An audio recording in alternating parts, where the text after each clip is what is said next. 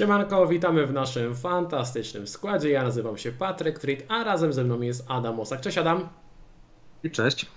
E, w trakcie dzisiejszego nagrania przeanalizujemy najlepszych i najpopularniejszych zawodników przed czwartą kolejką Fantasy Premier League, której deadline jest w piątek 1 września o godzinie 19.30. No, można powiedzieć, że pierwszy miesiąc Fantasy Premier League za nami.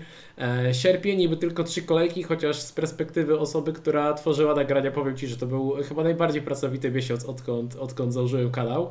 E, ale najpierw chciałem zapytać Ciebie, jak Twoje wrażenia po tym pierwszym miesiącu, jak Twoje wrażenia po E, trzeciej kolejce masz 54 punkty, kolejka się zakończyła, 197 punktów, overall rank 111 tysięcy.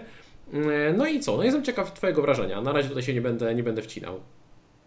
Znaczy, generalnie jestem zadowolony. Eee, chyba nawet bardzo zadowolony z tego, z tego startu. Nie chcę przechwalić, ale e, różnie to mogło pójść, zwłaszcza w tej kolejce. To już taka była kolejka, gdzie to mogło się troszeczkę pewne rzeczy rozjechać. E, jestem zadowolony przede wszystkim głównie z mojej pomocy mm, i z tego, że Rashford, Bruno i Saka dali punkty.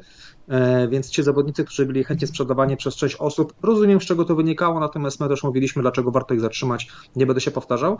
E, zakupiony Jackson dał ciut więcej punktów niż Watkins, nawet tutaj bym brał w ciemno, gdyby o te 2-3 punkty zdobył mniej, też bym tutaj e, to jakoś tam przeżył. Transfer trochę zrobiony na siłę, tak jak mówiłem wielokrotnie, bo po prostu z racji tego, że to były dwa transfery, jakiś ruch chciałem kliknąć i żeby już gdzieś iść do przodu z moim składem, pojawił się w nim Jackson i, i, i dodatkowo jeszcze popularne opcje typu Foden, typu Alvarez e, na przykład, e, między innymi te opcje nie dały punktów, mm, co też dzięki temu właśnie dało mi tą zieloną strzałkę i, i całkiem, całkiem fajny start. No dokładnie, moim zdaniem Twój start, jak ja bym go oceniał, to jest naprawdę rewelacyjny, bo ja bym brał w ciemno taki, taki overall po, po trzech kolejkach. E, niektóre osoby mm, może trochę nie mają jakiejś tam perspektywy z, z, poprzednich sezonów, ale z reguły te początki są dosyć ciężkie, no bo wiele osób gra różne chipy, ktoś trafi z jakimś jednym zawodnikiem, ktoś trafi z kapitanem i naprawdę ciężko jest zaliczyć dobry start, taki powiedzmy, nie wiem, w okolicach właśnie 100 tysięcy. E, także myślę, że naprawdę, naprawdę super. E, I moim zdaniem tutaj taka, nie, nie powiem, że to jest szpileczka, ale dobrze się ułożyło Tobie, że nie miałeś żadnej kontuzji, bo wiele osób miało już na starcie w tych kolejkach mnóstwo problemów. Tu jakiś Saliba, Stones, James, problemy z Diasem, Show się połamał, Madison najpierw kontuzja, potem nie jest kontuzjowany. No mnóstwo tego było tak naprawdę. Ciebie wszyściutko ominęło, więc zacząłeś tą najtańszą ławką jak się da, wszystkie problemy Cię minęły i tak w sumie sobie poszedłeś do przodu, więc e, bardzo... To jest bardzo... ciekawe, powiem Ci, że te osoby, które właśnie e, szły z ławką, która grająca była, między innymi Ciebie to dotyczy, to właśnie paradoks dotyczył tego, czy ironia, że zawodnik, który był na ławce, który miał być wsparciem, E, został kontuzjowany. I to jest właśnie paradoks tego, w jaki sposób można się do czegoś przygotować, co zupełnie może iść e, w złą stronę. Więc tutaj e, faktycznie muszę tutaj docenić to, że jeszcze kwestia Saliby, podmianka Gabriela w ostatniej sekundzie właściwie pierwszej kolejki. Naprawdę w tutaj to też to czasie, ale przeszło. Tak, Dokładnie, dokładnie. Byłem, ja byłem przekonany, że, że mam jednak Gabriela w składzie. Mm, więc faktycznie, tutaj to też się udało. Trzeba mieć też troszeczkę szczęścia e, w tym wszystkim. Natomiast też nie sądzę, że te osoby, które szły szablonowo, tak jak ja, myślę, że tutaj dużo ruchów było szablonowych, e, to też gdzieś tam straciły. Tutaj gdzieś e, te osoby, które miały Gabriela, też wielokrotnie można było zobaczyć, że z łapkiem wchodził, nie wiem, jakieś udogi, czy, czy ostatnio mm, nie Kolbil, tylko Gusto. też jakiś tam o, Gusto na przykład, dokładnie, więc tak. mogło się okazać, że nawet więcej punktów tym, tym zrobiły. Ale faktycznie bardzo się cieszę, że mi kontuzje nie wymuszały e, żadnych zmian. Tak, tak, że to jest, to jest duży plus, to jest duży plus. E, dzięki Maciej za, e, za dyszkę. A jeżeli chodzi o mnie, 53 punkty, także jeden punkcik mniej. Łącznie mam 183 punkty, czyli co? Między nami jest e, punktów 15, jeżeli dobrze liczę, 14 nawet, ale u mnie overall już 640 tysięcy około, więc to jest jakieś 500 tysięcy prawie różnicy, a to jest naprawdę kilkanaście punktów, to jest kwestia jednego transferu. A ja mam tyle samo punktów do 10k, jak sobie sprawdzałem, więc zobacz, jakie to są niewielkie różnice w tych... Jeden tych... transfer, słuchaj, gdybym na przykład wywalił Havertza, kupił Sterlinga, e, tak jak go polecałem przed poprzednią kolejką, bo przecież świetna opcja, wiadomo, nie trzeba czekać na dwucyfrówkę, żeby to stwierdzić, e, no to przecież byłbym przed Tobą, proszę, więc to jest kwestia jednego ruchu, no, ale wiadomo, bliżej mi było do Odegarda niż do Sterlinga. U mnie nieco gorzej, u mnie nieco gorzej, ale też bez tragedii, nie oceniam tej kolejki słabo. Jedyne, co, czego mi szkoda, bo poczekałem z ruchami, przetrzymałem sobie i Watkinsa i Havertza. Żal mi było ich wyrzucać, Watkinsa przed Bernie, Havertza przed Fulham. I to się totalnie nie opłaciło, bo po pierwsze zrobili mniej punktów niż alternatywne opcje, po drugie straciłem team value i po trzecie wykorzystałem transfer, w związku z tym wykorzystałem ten transfer na podmiankę rezerwowego kontuzjowanego Showa, kupiłem Botmana, który też złapał kontuzję. I mam nadzieję, że to nie będzie, nie będzie e, poważna kontuzja, bo to są takie cztery rzeczy tak naprawdę, które poszły nie tak e, w związku z jedną decyzją, żeby zachować cierpliwość do tych zawodników, więc trochę szkoda, ale na razie jeszcze tego nie przesądzam, czy to było dobre, czy to było złe, może nawet to jest dobre, bo Najbliżej było mi do ruchu, żeby wymienić Watkinsa i Havertza na e, Alvareza i e, na Alvareza oraz na, e, na Odegarda bo tak o tym, o tym spoglądałem. No i w sumie Alvarez zrobił dwa punkty, Odegaard zrobił tych punktów e, też dwa, więc nie dość, że mam więcej punktów, to jeszcze dodatkowo mam dodatkowy transfer. I już nie mam kontuzjowanego Showa, może będę miał kontuzjowanego Botmana. Więc staram się szukać jakoś pozytywów. E, oczywiście mogłem trafić lepiej, ale mogłem też trafić gorzej, więc e, jakoś tym się tym za bardzo nie przejmuję. To nie jest ten etap sezonu, żebym się jakoś przejmował, że mam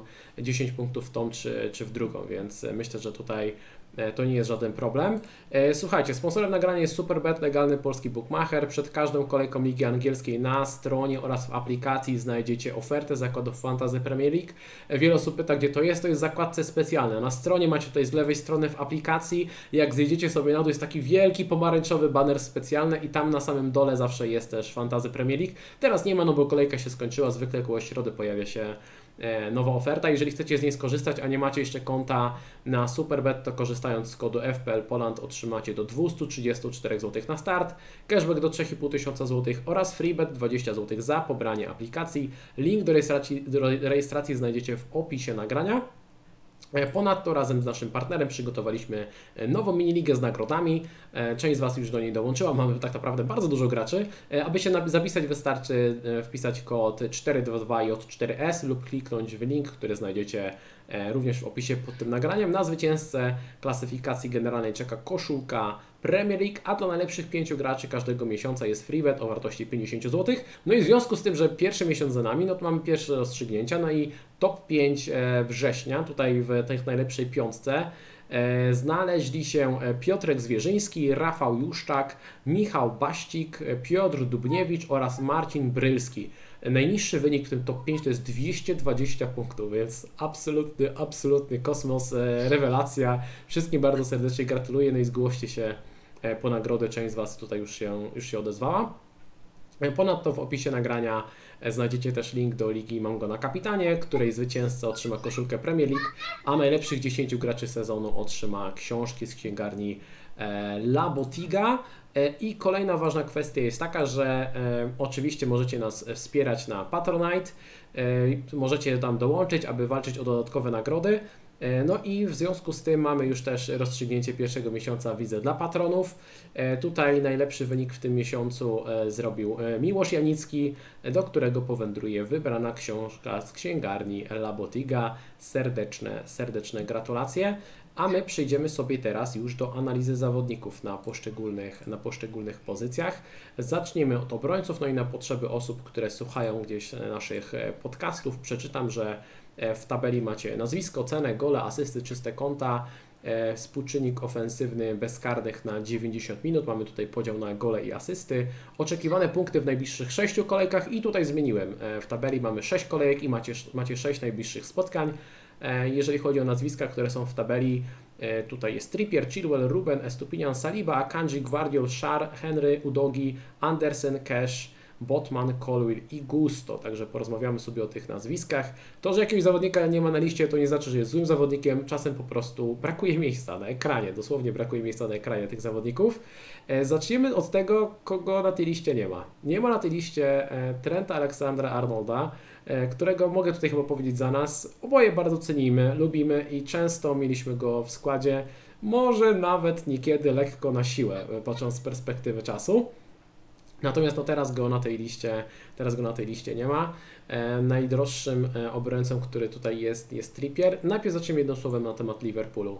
E, spodziewałeś się, że ta defensywa Liverpoolu będzie wyglądała aż tak słabo na starcie tego sezonu? Co, trochę tego się bałem, że tak może być, e, zwłaszcza patrząc na fiksy. E, I e, rozmawialiśmy też na temat właśnie tego trenda, że tak z, przed presezonem, tak z każdym dniem im bliżej było pierwszej kolejki, tym mniej w tego trenda wierzyliśmy. U ciebie chyba szybciej skład ze schodu wypadł. Ja go jeszcze trochę trzymałem, ale potem stwierdziłem, że to jest bezsensowny upór.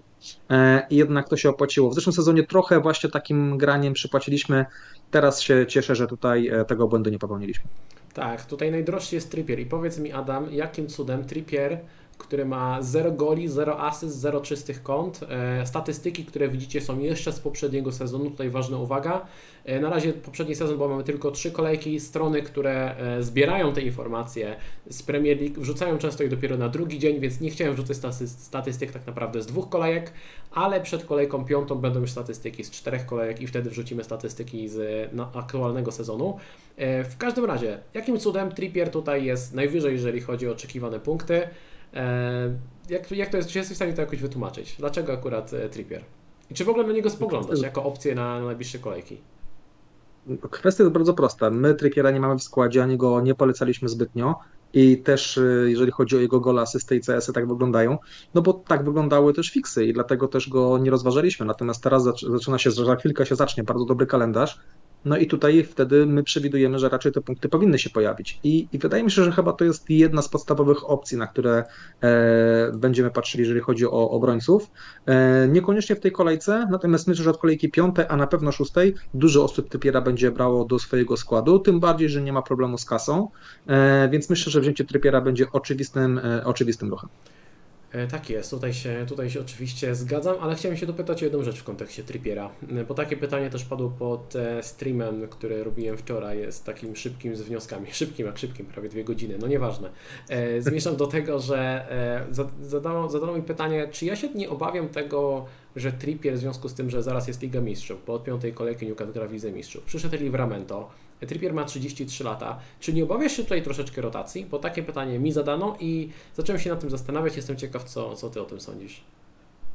Tylko wiesz to znaczy mm, z jakiego powodu miałbym taki wniosek wyciągnąć, bo w zeszłym sezonie nic takiego nie widziałem, na, na ten moment też na to się nie zapowiada, więc na, tą, na tyle, ile informacji mamy na teraz, to ja nie sądzę, że taka sytuacja będzie miała miejsce. Jeżeli w zeszłym sezonie co było, i tu musimy faktycznie powiedzieć o tym, że czasami Trippier schodził przed końcem spotkania, natomiast w kontekście obrońców to chyba nie jest aż takie złe. E, oczywiście patrzymy na Trippiera przez pryzmat zawodnika, który może dać coś z przodu, więc pod tym kątem może to nie jest jakiś duży plus, ale w kwestii Może być to często e, pomocne. Więc e, zobaczymy. Ja myślę tutaj, że raczej jeżeli będzie grał Livramento, to będzie dostawał końcówki spotkań. Być może w jakimś meczu będzie jakaś tam e, jedna ławka, zobaczymy. Natomiast teraz bym gdzieś tam nie, nie, nie panikował i już jakichś wniosków nie wyciągnął daleko idących, bo właściwie nie mamy powodów, żeby, żeby tego się obawiać. Więc ja bym na razie póki co mm, zalecał spokój. Tak, no w zeszłym sezonie nie było Livramento i nie było Ligi Mistrzów. Tutaj kolega Johnny podkreśla i, okay. i jest, jest tym trochę racji, jest tym trochę racji, ale ja też zakładam zakładam, że raczej e, Trippier będzie grał. On jest moim zdaniem zbyt ważny, żeby nim nie grać e, w podstawowym składzie. Może będzie miał instrukcję, żeby troszkę mniej biegać do przodu, albo e, na przykład będą zmienieni zawodnicy wokół niego, żeby mogli troszkę bardziej pracować na to, żeby on nie musiał aż tyle pracować w defensywie. Cokolwiek. Y, ale wydaje mi się, że no, Livramento nie jest w stanie choćby, nie wiem, w jednej trzeciej zastąpić e, Trippiera na tej prawej stronie, więc... Ale wiesz, jak, jak Trippier miałby nie biegać do przodu, to byłoby źle, więc e, ale wtedy wiesz, nie chcielibyśmy schodzi, takiego... Może schodzić, bardziej, może schodzić bardziej do środka pod rozegranie, a mniej, rzadziej iść nieco na obieg. Można troszeczkę inaczej poukładać to ustawienie ofensywne, żeby temu Trippierowi trochę odjąć kilometrów, e, odjąć biegania, a jednocześnie nie tracić go z wyjściowego składu. Wiesz, to można po prostu poczekać. Poczekajmy, e, do, do, dowiemy się, zobaczymy jak ta sytuacja będzie wyglądała i w razie to zawsze z tej strypiera można na każdego jednego obrońcę przejść, więc ja myślę, że można na niego wskoczyć, zobaczyć jak będzie to wyglądało i odpowiednio reagować. Tak, tutaj, tutaj, też, tutaj też się zgadzam, chociaż e, jeżeli chodzi o mnie, gdybym miał teraz kupić dowolnego obrońcę do składu, przykładowo jestem w sytuacji, że szukam obrońcy do składu, to nie wiem, czy Trippier nie by był u mnie numerem jeden. Patrząc e, na najbliższe kolejki, zastanowiłbym się nad jeszcze jednym nazwiskiem, o którym przejdzie, do którego przejdziemy za chwilę.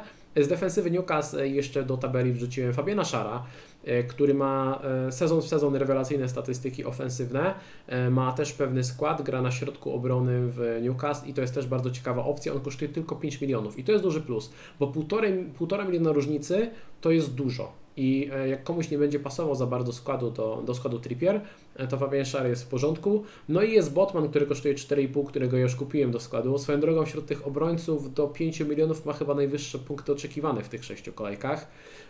Natomiast no nie wiemy jak, jak będzie z jego zdrowiem. On zszedł z urazem kostki, tam nie było żadnych kul, nie było buta protekcyjnego, także miejmy nadzieję, że wszystko będzie w porządku. Ja liczę, że na piątą kolejkę będzie zdrowy, ale czy tak będzie, to czas pokaże. E, przejdziemy do kolejnego zawodnika, jest nim Ben Chilwell. Tutaj z Chilwellem się e, nigdzie, nigdzie nie wybieramy, wszyscy mamy go w składzie. Jeżeli ktoś go nie ma, no to chyba nadal możemy go śmiało polecić. E, koleś, który jest praktycznie środkowym napastnikiem momentami. No, dokładnie, tym bardziej jeszcze teraz, nawet sam powiedział tutaj trener o tym, że on będzie grał na tej pozycji częściej, więc tutaj po prostu bierzemy i nie ma się na czym zastanawiać. Zgoda, zgoda. I w kontekście Chelsea i defensywy miałem tutaj jeszcze dwa nazwiska, Colwill i Gusto. I i też Sanchez do tej grupy, samej grupy się zalicza. E, rozmawialiśmy wspólnie zresztą o tym e, kilka tygodni temu, że być może i Colwill, i Gusto, i Sanchez to nie są najlepsze wybory, mimo że są tani i e, mogą dawać fajne punkty w stosunku do ceny, ale mogą nam zablokować sloty Chelsea. I zobacz, minął dosłownie tydzień czy dwa tygodnie i mamy sytuację, w której Jackson jest prawie w każdym składzie, Sterling jest najczęściej kupowanym e, zawodnikiem przed tą kolejką, no a Chilwella to już wszyscy dawno brali nawet za minusy. Więc już mamy tych trzech zawodników, czyli trochę udało się to przewidzieć. I nadal jestem zdania, że branie Gusto, Colwilla lub e, Sancheza to może być blokowanie sobie slota, zwłaszcza w kontekście Gusto chciałem dodać, bo niektórych mogą dziwić te niskie oczekiwane punkty w najbliższych sześciu kolejkach. No mamy informację, że Rhys James może wrócić już na piątą kolejkę na mecz z Bormów, więc może się okazać, że ktoś kupi tego Gusto, wystawi go na Nottingham Forest i oczywiście Gusto może zrobić bardzo fajne punkty, to się może jak najbardziej opłacić, ale żebyśmy się nie zdziwili, jeżeli się okaże, że w piątej, może szóstej kolejce Rhys James będzie gotowy, no i wtedy pewnie wyjdzie w pierwszym składzie, no bo Chelsea nie gra w europejskich pucharach, nie ma za bardzo e, na co oszczędzać tego Risa Jamesa, więc jeżeli będzie w pełni gotowy, no to pewnie wskoczy do składu, zobaczymy jak długo e, w tym składzie pierwszym wytrzyma, oby jak najdłużej. E, czy tutaj coś jeszcze chciałbyś dodać w kontekście defensywy Chelsea? Nie, to ja dokładnie. Ja bym nie marnował tych slotów, więc myślę, że tutaj e, no, w zupełności się zgadzam z tym, co powiedziałeś. W kontekście, w kontekście Botmana tutaj jeszcze kolega Szachpat napisał, że Darwin mówi, że Botman świetnie asystuje. Mam nadzieję, że będą też asysty w drugą stronę i będą z tego jakieś punkty. W zeszłym sezonie średnio były z, tym, z tymi punktami w ofensywie, ale zgoda, tutaj słuszna uwaga. E, dobra, przejdziemy do kolejnej defensywy. Mam tutaj na myśli City. Mamy Rubena, który kosztuje 5,5, jest Akanji, który kosztuje 5,1 i tutaj ważna informacja, bo e, doszukałem e, informacji na ten temat. Akanji nie jest kontuzjowany, to nie jest żaden uraz. Akanji podobnie jak Foden był chory, taka informacja się pojawiła, taką informację znalazłem na Twitterze. E, także wydaje się, że Akanji może wrócić na kolejkę czwartą, także nie panikujcie, jeżeli macie Akanjiego, jeżeli go kupiliście. Wiadomo, głupio, że nie zagrał, natomiast może się, się okazać, że nadal będzie bardzo dobrą opcją na następne kolejki. No i jest Gwardiol, który jest najtańszy z tej trójki, kosztuje 5 milionów. E, powiedz mi, czy jeżeli ktoś jeszcze nie ma obrońcy City, to Twoim zdaniem, patrząc na te najbliższe cztery kolejki, Fulham u siebie, wyjazd na West Ham, Nottingham, u siebie, Nottingham Forest u siebie i wyjazd na Wolverhampton, później ten kalendarz się trochę komplikuje, bo jest Arsenal, jest Brighton. Czy patrząc na te cztery kolejki, Twoim zdaniem nadal warto kupić obrońcę City, a jeżeli tak, to którego? To jest bardzo dobre pytanie, natomiast zanim ja odpowiem, to mimo wszystko chciałbym, to, żebyś na, najpierw Ty na to pytanie odpowiedział, a za chwilkę Ci powiem dlaczego. Okej. Okay. E, moje zdanie jest takie, że w teorii można jeżeli komuś pasuje do budżetu, to jak najbardziej. Natomiast e, należy uwzględnić to, jak chcielibyście, żeby wyglądała Wasza defensywa za kilka kolejek. Bo gdy ja sobie wyobrażam swoją defensywę, to widzę w tej defensywie nadal Chilwella, co najmniej do ósmej kolejki i on jest niepodważalnie nie do ruszenia. Bardzo chciałbym Trippiera. Jeżeli coś będzie nie tak z Trippierem, jeżeli będzie rotował, no to pewnie Fabian Scher. Już mam Botmana, który bardzo mi się podoba i specjalnie go brałem z uwagi na to, jaki jest potencjał defensywny Newcastle. Wiele osób ma na przykład Udogiego, taniego, mają Rico Endriego i tak dalej, którymi też można rotować.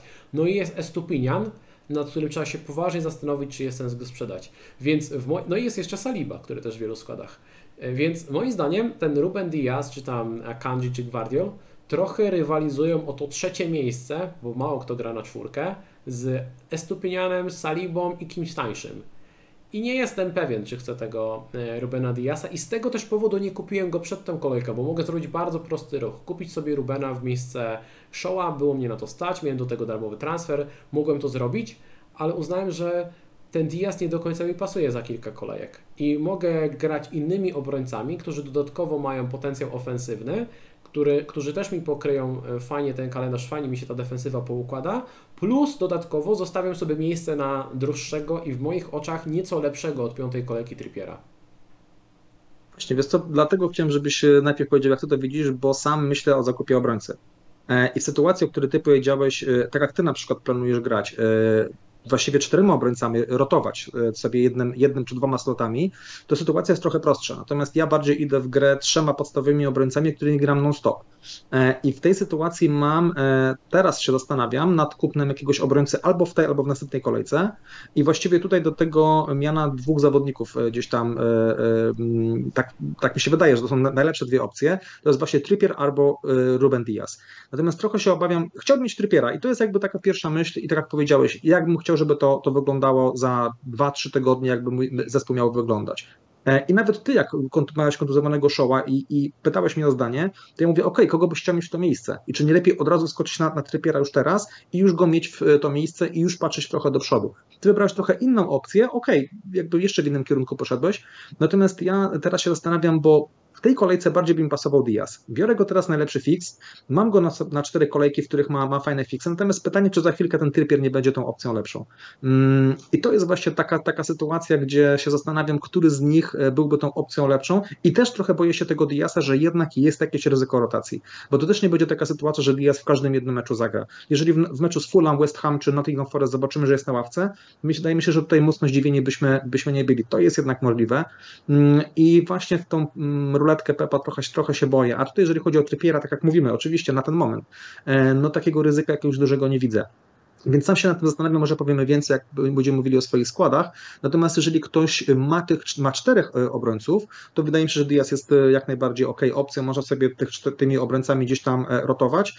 Natomiast pytanie, czy jakaś tańsza opcja nie byłaby tutaj lepsza, jeżeli mówimy o, o rotacji. Więc tak to widzę i waham się trochę, jeżeli miałbym na teraz wybrać jednego z nich, czy to lepszy byłby Trippier czy, czy Diaz i skłaniam się jednak ku Trippierowi, bo ma jednak większą możliwość zdobycia punktów z przodu. Okej, okay, czyli w ogóle nie bierzesz pod uwagę ani Kanjiego, ani Guardiola Guardiola jako takie tańsze opcje. Więc to tutaj mam jeszcze większe ryzyko, tak mi się wydaje, jest jeszcze większe ryzyko rotacji. Jeżeli iść w obrońcę y, Chelsea, y, y, City, to chyba największe szanse z minutami są. Ja wolałbym te półbańki dopłacić i mieć ten, ten w miarę spokój, chociaż też nie do końca, ale większy spokój, e, czekając na składy City przed każdym spotkaniem. Tak, zgadzam się. Też bym, też bym to poszedł, aczkolwiek e, Guardiol wygląda jak zawodnik, który może grać sporo. Chciałbym poczekać jeszcze kilka kolejek i może na tego Guardiola wskoczę na przykład, nie wiem, za 5, 6, 7 kolejek. Jeżeli zobaczę, gdy wszyscy obrońcy będą zdrowi, czy na przykład on nie będzie rotował na lewej stronie, na przykład z Akanji albo z Ake, bo też chciałbym to zobaczyć. Myślałem, że dowiem się tego w tej kolejce, natomiast no, Akanji wypadł, więc się nie dowiedzieliśmy tego.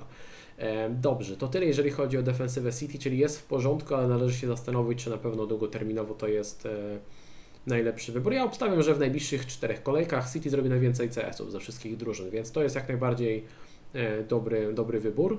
E, chciałem porozmawiać poważnie o tym, czy nadal opcją do kupienia jest Estupinian, bo e, Estupinian zrobi świetne punkty w ofensywie, ma, ma duży potencjał, jeżeli o to chodzi, natomiast zwracaliśmy uwagę od początku na ten trudny kalendarz, który przyjdzie, no i też na fakt, że Brighton nie broni jakoś wybitnie.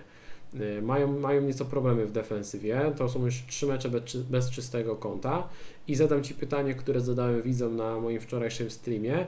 Patrząc na najbliższe sześć kolejek, Newcastle u siebie, wyjazd na United, Bournemouth u siebie, wyjazd na Aston Villa, Liverpool u siebie, wyjazd na City. Na te sześć kolejek, ile czystych kąt tutaj widzisz Estupiniana?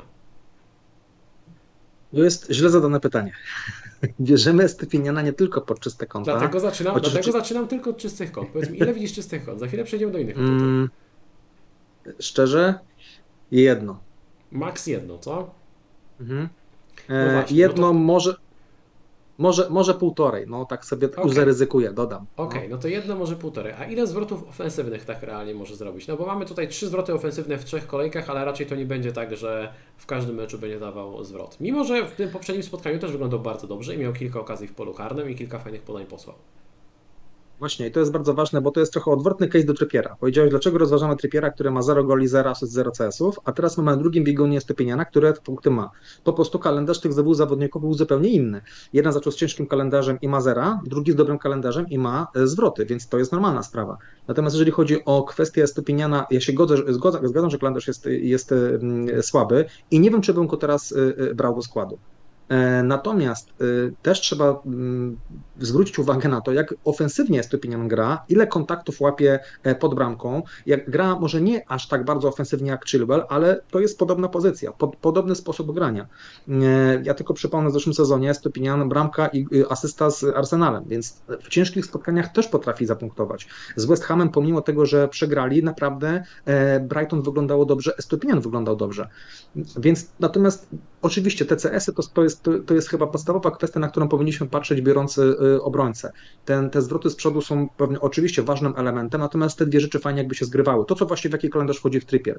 I tu z Estepinianem ciężko mi o jednoznaczną odpowiedź. Raczej bym go nie brał, natomiast mając go w składzie, ciężko jest mi go posadzić, wiedząc o tym, jak ofensywnie e, e, gra. Więc to jest bardzo ciężka decyzja do podjęcia, co z takim zawodnikiem zrobić, czy na przykład go wystawić na Newcastle i na Manchester, czy w tych meczach go posadzić. Ja raczej nie będę nim grał, na ten moment taki mam plan, żeby nim grać, zobaczyć do meczu z Bournemouth, jak będzie to wyglądało i potem zastanowić się, gdzie jest Aston Villa, Liverpool i City i tam podjąć decyzję, czy mimo wszystko dalej chce grać tym e, Stepinianem. Więc na ten moment mam taki plan, zobaczymy jak to się ułoży.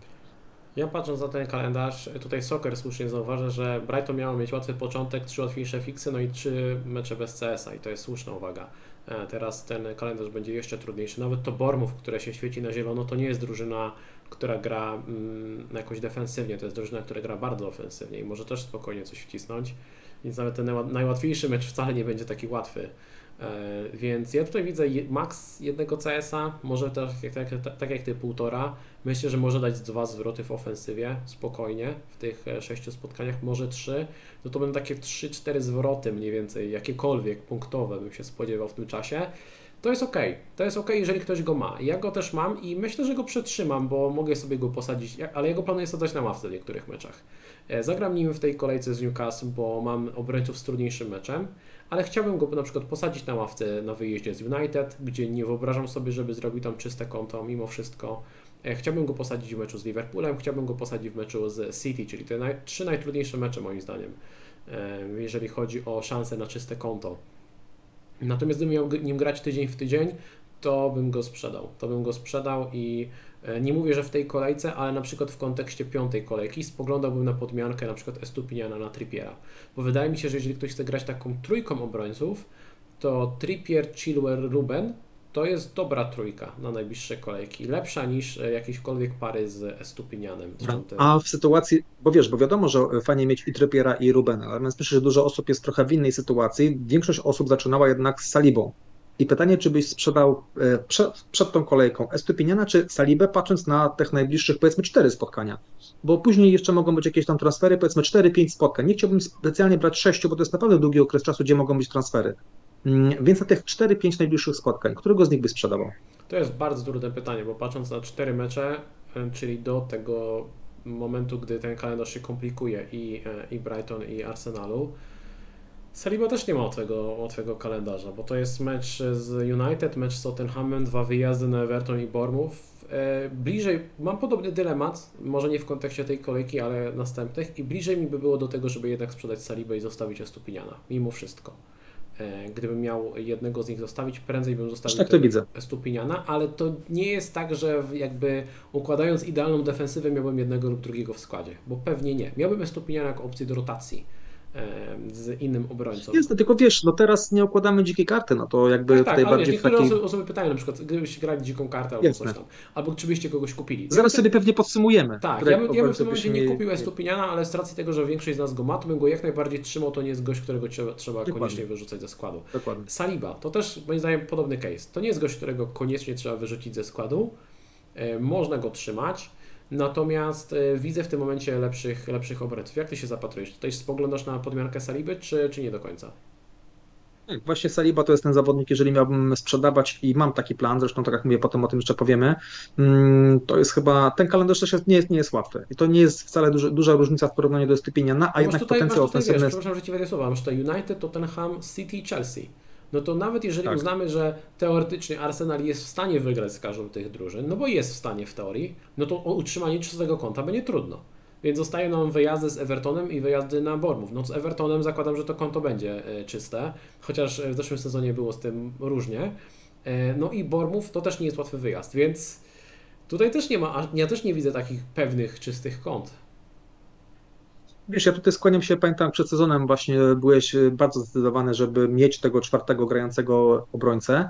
I teraz widząc jak ten sezon się mm, rozwinął, jaka jest sytuacja z dobrymi opcjami tanimi, Bardziej bym się ku takiej opcji skłaniał, żeby mieć czwartego grającego obrońcę. Bardziej mi się to podoba, bo widzę, że kasa nie jest aż tak dużym problemem.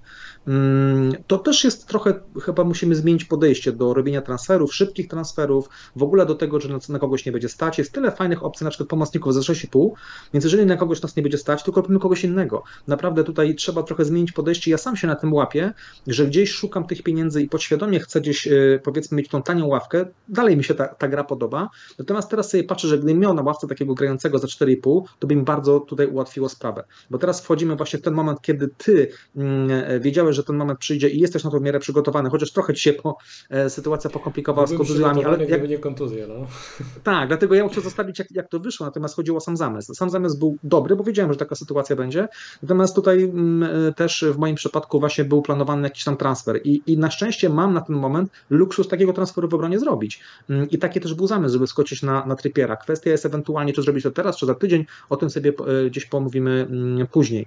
Więc no dokładnie, no taka jest sytuacja, jak powiedziałeś z tym Salibą, ja myślę, że to jest chyba taki zawodnik e, w naszych składach, jeżeli kogoś sprzedawać, to chyba e, właśnie skłaniam się, żeby sprzedać jego.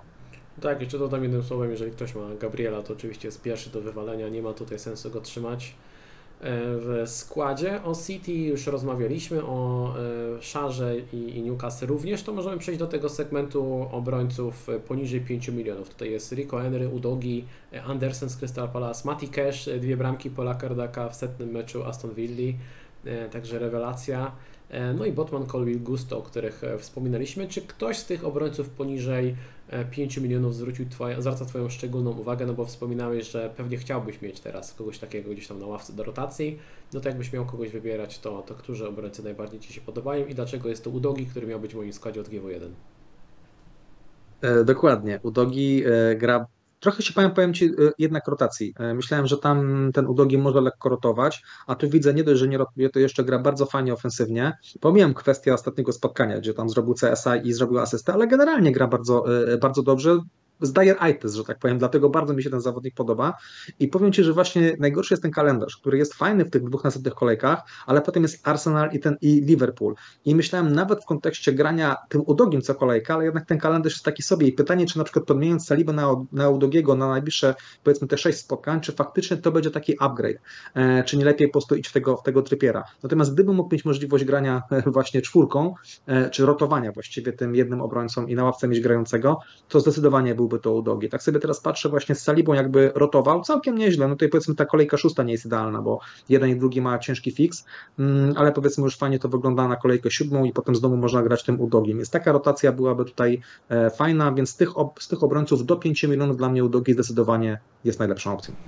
E, tak, Udogi jest e, super. Tutaj dzięki za feedback na czacie zrobiłem głośniej ustawienia mikrofonu, także dziękujemy Wam, że nas informujecie na bieżąco. E, w każdym razie ja się zgadzam, Udogi jest, Udogi jest super. Mm, na, na, ja nadal mam troszeczkę jakieś obawy, że on może rotować w jakimś stopniu, że Davis czasem może zagrać. Natomiast y, dla mnie zachęcające jest to, że widzę parę Udogi plus Porro w drugim meczu z rzędu. I to mi pokazuje, że to niekoniecznie musi być tak, że gdy gra Royal, to gra Udogi, a jak gra e, Pedro Porro, to z drugiej strony będzie Davis, bardziej defensywny, tylko że Enż Postecoglou jest gotów na to, żeby postawić na tych dwóch bardzo ofensywnych obrońców, bo i Porro i Udogi są bardzo, bardzo ofensywni. E, także to jest e, coś, co trochę zmienia moją optykę i co sprawia, że jeszcze bardziej żałuję, że go w swoim składzie się nie zdecydowałem go, go kupić, bo faktycznie, faktycznie mnie kusił. I z tych opcji tanich jest naprawdę super. Dobrze rotuje z Estupinianem, także jest to naprawdę, jest naprawdę ciekawa opcja. Rico Henry podoba mi się też nadal bardzo. Z, głównie z tego względu, jak dobrze gra Brentford. To jest naprawdę dobra defensywa. Rico Henry ma pewne minuty, pewny skład, gra ofensywnie, niezależnie od tego, czy, mm, czy Brentford gra trójką, czy, czy czwórką z tyłu, to Rico Henry jest wysoko ustawiony, często wchodzi do tych akcji ofensywnych. No i nadal imponuje tutaj Crystal Palace, który już w zeszłym sezonie miał dobre statystyki defensywne. W tym sezonie to też wygląda całkiem nieźle. Jakim Andersen, no rewelacyjne wejście w pole karne przy tym golu E, w ostatnim, w ostatnim meczu, także też tutaj duży plusik. Kalendarz jest taki w kratkę, więc trzeba by nim porotować. Mati Cash, chciałem Cię zapytać o Matiego, bo pewnie nie wszyscy będą go koniecznie kupować na mecz z Liverpoolem, e, ale czy rozważasz go do swojego składu w kontekście następnych kolejek jako właśnie taką tanią opcję? Co, na razie nie. No, wydaje mi się, że tutaj naprawdę miał super spotkanie i no, trzeba mu oddać, że, że gdzieś tam e, znalazł się w tym polu karnym i te dwie bramki strzelił, no, no super. Natomiast no, raz, że teraz jest Liverpool, a dwa, no ten kalendarz wcale nie jest taki dobry. Crystal Palace dla mnie nie jest zielonym fixem.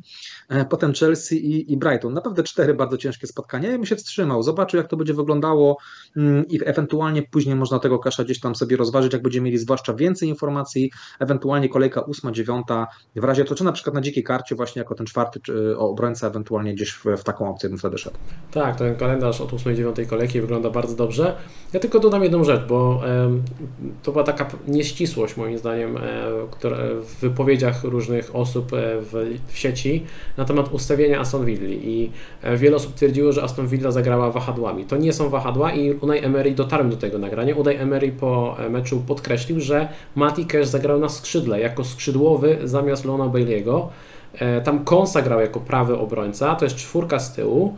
E, lewym obrońcą jest Luka Dean, który gra bardzo ofensywnie, a Mati Cash nie był wahadłowym, tylko był prawym skrzydłowym, to, co wynikało z tego, że Leon Bailey doznał lekkiej kontuzji na treningu, dlatego był na ławce i Mati Cash znalazł się w wyjściowym składzie, no i to spowodowało, że zagrał tak dobry mecz, więc e, nie zakładajmy, że Mati Cash będzie grał tak ofensywnie w każdym spotkaniu, ale widać i to wiemy też z poprzednich sezonów, że on ma bardzo duży potencjał ofensywny, więc tutaj bym wstrzymał się do tego lepszego kalendarza na kolejkę 8-9, wtedy Mati Mati może wjechać, może też Moreno, który e, wróci po kontuzji, to też może być bardzo ciekawa opcja na lewą stronę, bo Luka Dean też nie jest w 100% pewien e, tego wyjściowego składu, gdy już e, Moreno wróci do, mm, do pełni sił.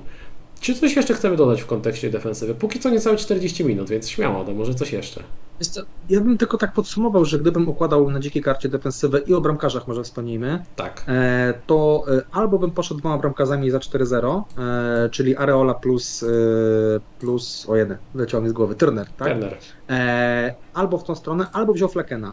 I wydaje mi się, że raczej chyba poszedłem w stronę Areola plus Flecken. Wydaje mi się, że tak jak powiedziałeś tutaj o Enrym, więc zamiast niego mamy Fleckena i bardzo fajną opcję obrony, a do rotacji Areola myślę, że składu nie straci. No i jeżeli chodzi o, o zawodników tutaj e, z defensywy, Trippier, Chilwell raczej bez dwóch zdań.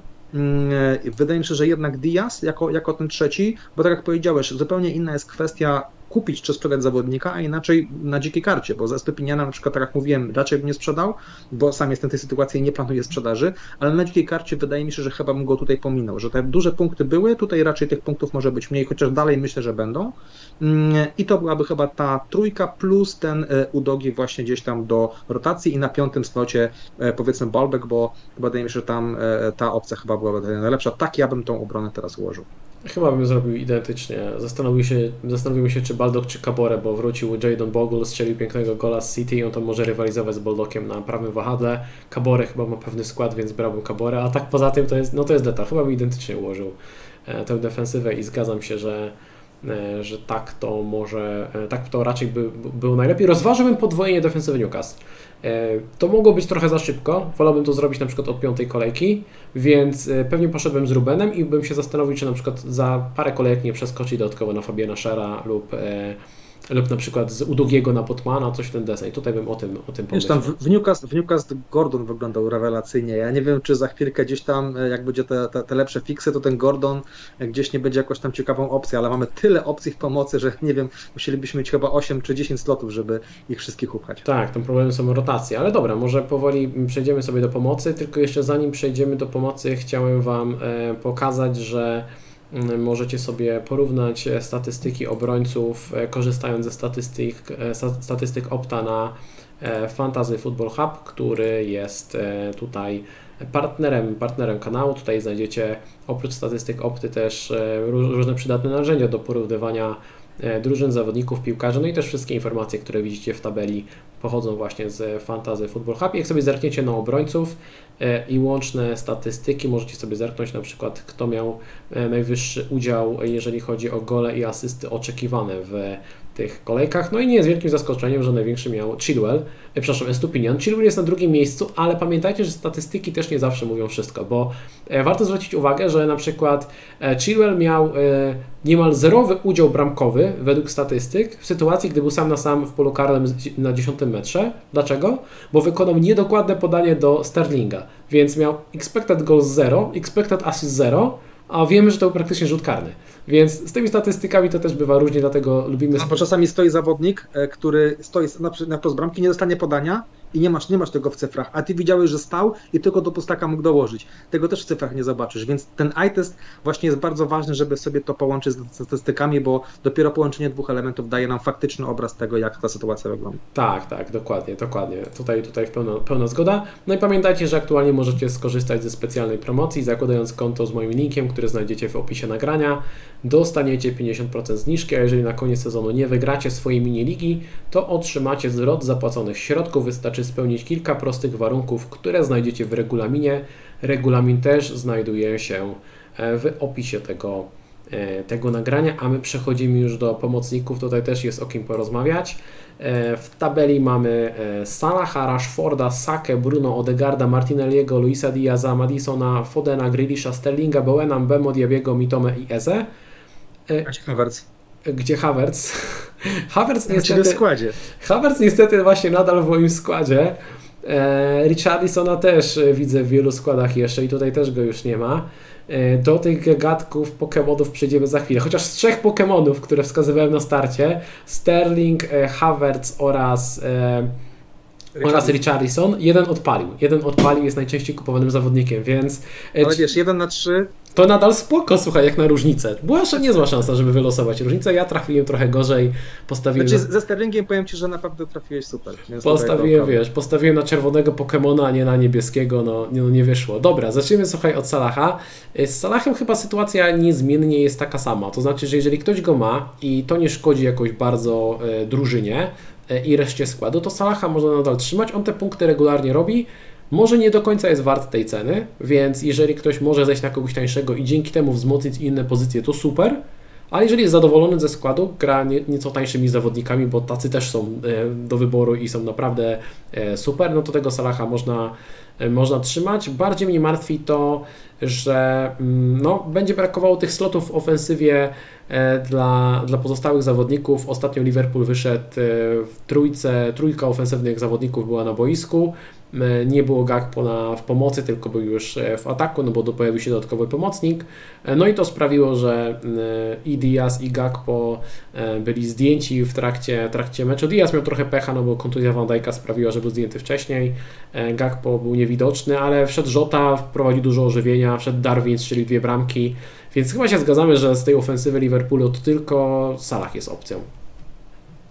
Znaczy, no tak, jeżeli już miałbym kogoś wybrać, to tak, ja mówiłem, mi się najbardziej, e, w ogóle przed sezonem bardzo, ba- bardzo chciałem mieć Darwina, natomiast w kwestii tej rotacji, no niestety, e, wydawało mi się, że Luis Diaz jest najpewniejszy minut i był, no bo w tym meczu zaczął, e, a na ławce był Żota, natomiast okazało się, że w sytuacji, kiedy trzeba zrobić jakąś, zmianę i kogoś ściągnąć, to jednak Diaz był tym pierwszym do zejścia, więc tutaj ryzyko, żeby w kogo innego gdzieś tam szukać nie wiadomo jak się wylosuje, trochę kłania nam się kasus City. Po prostu tutaj będzie ciężko trafić i albo idziemy, w, jeżeli ktoś ma tego Salaha, to faktycznie można przetrzymać, chociaż ja bym się zastanawiał, czy faktycznie nie chciałbym tych środków inaczej rozłożyć w składzie. Pytanie, kogo bym w tej pomocy nie miał, bo jeżeli brakowałoby mi jakiejś fajnej opcji w tej pomocy, to bym się naprawdę pozastanowił, czy ja tego Salaha chcę mieć e, i na przykład jeszcze miałbym, są osoby, które przytrzymały Pedro, więc ja tak nie do końca bym powiedział, że tego Salaha na bank bym trzymał, ale tak jak mówię, gdybym był zadowolony z ataku, zadowolony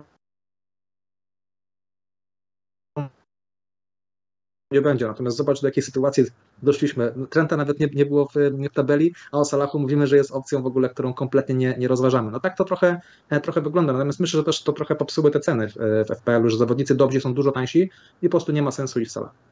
Tutaj czat jest czujny, dziękuję za poprawienie się. Coś mam e, problem z tą, e, mam powiem Ci, że mam problem z tą zmianą e, Liverpoolu, mimo że oglądamy ten mecz, bo wczoraj na streamie powiedziałem, że Luis Diaz został, wszedł z ławki, oczywiście został zdjęty, a nie wszedł z ławki, a dzisiaj powiedziałem, że został zdjęty, bo Van Dijk doznał kontuzji. Oczywiście nie kontuzji, tylko była czerwona kartka. Także przepraszam za, za zamieszanie, ale tak to czasem jest, jak się coś mówi, czyta i jeszcze czyta czat. E, niestety z multitaskingiem jest u mnie, u mnie średnio, e, także się tutaj prostuję, dzięki za czujność na, na czacie. E, tak, Salah, no miejmy nadzieję, że nie zniknie z Premier League. Tutaj jak Bebe pisze, e, mam nadzieję, że gdy spotkamy się za tydzień, to nadal Salah w tej tabeli będzie, bo jeżeli nie będzie, to będzie mi bardzo smutno, nie ukrywam. Mm, szkoda byłoby pożegnać e, w jednym okienku transferowym i Keina i Salaha. To by też kompletnie zepsuło grę w FPL-a. Bo ja spoglądam sobie na ten kalendarz Liverpoolu i myślę sobie tak, od kolejki dziewiątej oni mają dobry kalendarz, i myślę sobie, czy na przykład od kolejki dziewiątej Salah nie będzie fajną różnicą, bo może nie do końca będzie każdy do niego przekonany, może Liverpool nadal będzie grał średnio, bo ma taki, no może nie trudny, ale nie też nie super łatwy kalendarz do tego czasu. E, I może można będzie na niego wskoczyć, e, jeżeli, zwłaszcza jeżeli ktoś zagra dziką kartę. A jeżeli Salaha nie będzie, to w ogóle nie będzie tematu i to będzie e, straszna, straszna lipa moim zdaniem. Ale dobra, może nad tym temat pogadamy przy innej okazji. Mam nadzieję, że nie będziemy musieli rozmawiać na, na ten temat, że Salah będzie w tym składzie. Przejdziemy sobie do zawodników Manchester United i tutaj szok i niedowierzanie. Zawodnicy Manchester United w Nottingham Forest, w meczu z Nottingham Forest zrobili punkty. Rashford dwie asysty, Bruno gol z karnego e, i do tego, do tego dorzucił asystę, tak? Wydaje mi się, że w tym meczu była ta e, tak, asysta, tak, bo, tak. bo do tej pory omijał punkty mm, niczym, niczym jakiś, nie wiem, jakiś, jakiś z Matrixa, z Neo, który unika pocisków, tak to wyglądało w przypadku Bruno. Tym razem się udało zapunktować, także fajnie, udało nam się też przetrzymać tych, tych zawodników. Bardziej chciałem się zapytać, co teraz? Z tymi zawodnikami United. No bo na rozkładzie jest e, Arsenal, później Brighton, mm, może to nie jest najłatwiejszy mecz i niektórzy się zastanawiają, czy nie sprzedać jednego z nich. My mamy oboje, i Rashforda i Bruno, tak jak i większość innych osób. Kuszą inne opcje, o których powiemy za chwilę i powiedz mi, czy to w ogóle rozważasz sprzedaż jednego z nich, czy na przykład jesteś zdania, że nadal Rashford i Bruno to jest takie, nie wiem, top 3, top 4 najlepszych pomocników w grze. Na najbliższe kolejki, nie mówię total, tylko na najbliższe kolejki. No ja myślę, że jednak to są gracze, których warto zatrzymać. Ten mecz pokazał nie tylko, nie chodzi tylko o same zwroty, ale też to, jak grali. W końcu Rashford grał na swojej pozycji, grał dużo lepiej. Bruno też grał bardzo dobrze. Nie chodzi tylko o bramkę z karnego, bo ktoś powie, gdyby nie miał karnego, to byście mówili inaczej. Nieprawda. E, jak sobie sprawdzimy statystyki i sobie celowo to sprawdziłem, to Bruno jest w topce, chyba w top 5 zawodników, jeżeli chodzi o expected goals, pomijając karne. Ja nie wiem, no, tak, Więc... pomijając karne też, tak, tak, tak. tak. tak. Dokładnie. I, i, I to dużo osób pewnie zszokuje, że to nie jest tylko, że on bazuje na kwestii asyst, ale też znajduje się w odpowiednich pozycjach. I to jest już trzeci mecz, w którym e, wykręca fajne, fajne liczby. Jest dla mnie Bruno jest zawodnikiem. Ja co ciekawe, pamiętam, mówiłem przed pierwszym streamem, że dla mnie Bruno jest takim zawodnikiem, mam, ale pewnie go szybko sprzedam. A Rashford jest w ogóle nie do ruszenia. Teraz uważam dokładnie odwrotnie. Jeżeli miałbym już kogoś sprzedać, to raczej sprzedałbym prędzej Rashforda. Natomiast myślę, że mimo wszystko z tym kalendarzem ja i tak chcę trzymać obu. Mm, mecz z Arsenalem, ja tutaj widzę bramki. E, następ, e, Brighton, tak jak powiedzieliśmy, ze słabym kalendarzem tracili gole. Dlaczego nie mieliby stracić z Manchesterem? A później kalendarz jest całkiem ok. Więc wydaje mi się, że spokojnie Rashford i Bruno są do przetrzymania. I powiem Ci tak szczerze, nawet zastanawiałem się w kontekście dzikiej karty, gdybym grał, czy też bym ich dalej na dzikiej karcie obu nie zatrzymał. A na pewno, na pewno byłby na, na niej Bruno. Jeżeli już miałbym rozmawiać, yy, któregoś zrezygnować, to może ewentualnie z Rashforda. Natomiast dla mnie to nie są gracze do, do sprzedania. No to jest bardzo dobre pytanie w sumie. Czy grając dziką kartę, czy nadal miałbym obu? Bruno na bank, tutaj zgoda. Rashford można by się zastanowić, ale mhm. dla mnie to nadal jest. Nadal są w top 3 opcje. Może top 4, bo jeszcze wymieniłbym Salaha. Tak jak w sumie są cenowo. Salah, Rashford, Saka, Bruno, to top 4 to by było moje top 4 pomocników na, na najbliższe kolejki. E, natomiast e, natomiast u mnie nie. E, Salah, u mnie, nie. Salah, u mnie Salah byłby w top 4, natomiast nie, pewnie nie w tej kolejności, to raz, a dwa myślę, że nie jest wart tej ceny po prostu. Także, ale gdybym w teorii, gdybym mógł, to bym ich, ich trzymał wszystkich. Rozumiem, jeżeli ktoś szuka kasy, szuka gdzieś tam podmianki, ale jeżeli Was stać na na Rashforda, na Bruno, to myślę, że warto ich jak najbardziej trzymać. Spodziewam się punktów z Arsenalem, spodziewam się punktów z Brighton. Jedna i druga defensywa przecieka. Ba, ten mecz z Arsenalem to jest z doświadczenia, mogę Wam powiedzieć, jako kibic Arsenalu, to jest bardzo dobry fix dla Rashforda. Ja pamiętam doskonale poprzedni sezon, gdzie Arsenal miał 60% posiadania piłki, wydawało się, że cały czas kontroluje przebieg spotkania. Rashford 3 kontry i mm, no, grube punkty zrobił, więc e, uważałbym z tym sprzedawaniem Rashforda.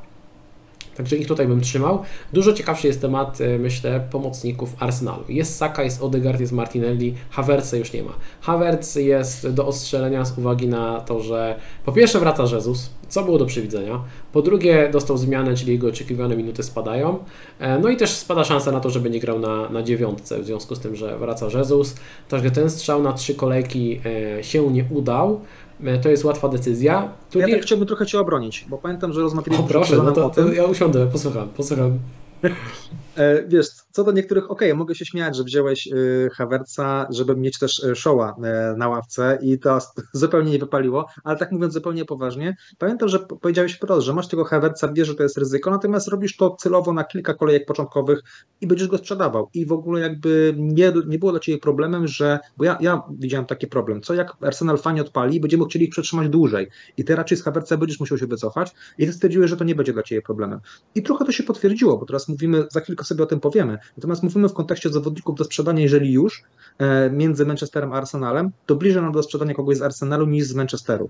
I poniekąd to się trochę potwierdza, ta, ta sytuacja, o, o której ty powiedziałeś, na którą byłeś troszeczkę przygotowany. Więc y, Havertza dokładnie tutaj z powodów, o których powiedziałeś, na pewno jest do sprzedania i właściwie te osoby, które go mają, mają bardzo łatwą decyzję do podjęcia. Natomiast ja jestem mm, właścicielem Martinelliego, i też myślę, że to jest zawodnik do sprzedania. Boję się trochę tych minut. On co prawda w tym meczu zagrał tych minut więcej, e, natomiast myślę, że w kolejnych spotkaniach będzie, zacznie się rotacja. Tak, to co powiedziałeś, wrócił Jezus, świetnie pokazał się Vieira, jest też Trossard, który nie będzie w kółko na ławce siedział i dla mnie Martinelli zawsze będzie pod, e, będzie pierwszym wyborem, ale będzie pod ogromnym ryzykiem minut, podobno jak Havertz. I mając te opcje, o których za chwilkę powiemy, dla mnie w kontekście tego wszystkiego i kalendarza, i minut są po prostu zawodnikami lepszymi od Martinelliego, co nie znaczy, że Martinelli nie będzie robił punktów. Bo bardzo ważna rzecz, o której chciałem właśnie powiedzieć, my mówimy o, o top opcjach, nie wiem, mówimy o pomocnikach, mówimy o top, nie wiem, 6, 7, 8 opcjach i pomiędzy tymi 8 opcjami musimy wygrać, wybrać kilka, dwie, trzy, jedną opcję. I to jest ten problem, że nie, nie wybieramy pomiędzy słabym a dobrym, tylko pomiędzy dobrym a dobrym i często różnicą jest na przykład jeden, dwa fiksy różnicy, albo to, że w meczu nam się spodobał, bo fajnie dziś się zerwał i fajnie się pokazał na, na skrzydle. To są takie różnice. A ktoś, kto z Martinelliem załóżmy zostanie, albo wybierze zawodnika X, a nie zawodnika Y, może też trafić. I to wcale nie jest powiedziane, że my mówimy na pewno sprzedawać tego zawodnika czy innego, bo jest beznadziejny, a ten inny to zrobi kupę punktów. Po prostu wybieramy pomiędzy dwoma fajnymi opcjami, a różnice są bardzo, bardzo niewielkie, bo nie rozważamy jakichś defensywnych pomocników, nie rozważamy zawodników bardzo słabych, bo to był prosty wybór, ale jednak wybieramy pomiędzy dobrym a, a dobrym. I to jest właśnie ten, ten problem, że tutaj te punkty gdzieś mogą w jakiejś sytuacji nam uciec. No dokładnie, tutaj na liście jest 15 czy 16 zawodników i tak naprawdę każdy z nich może dać e, bardzo fajne punkty w najbliższych, najbliższych kolejkach. E, także zawsze musimy się liczyć z tym, że e, sprzedawany zawodnik może też dać bardzo dobre punkty. No ale no cóż, tak jak mówisz, jest, jest szeroki wybór, z kogoś trzeba zrezygnować i tyle.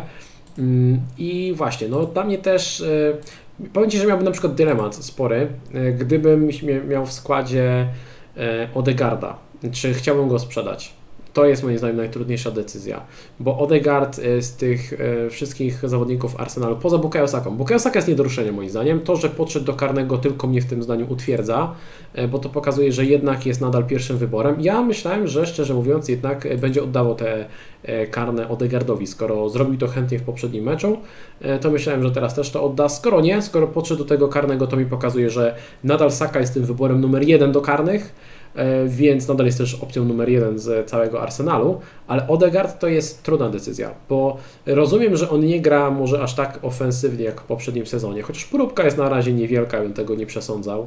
E, po drugie, z gry jeszcze nie strzelił gola e, i z drugiej strony, no, aha, no i też Arsenal jakoś nie błyszczy, tak? Tak to trzeba ująć delikatnie.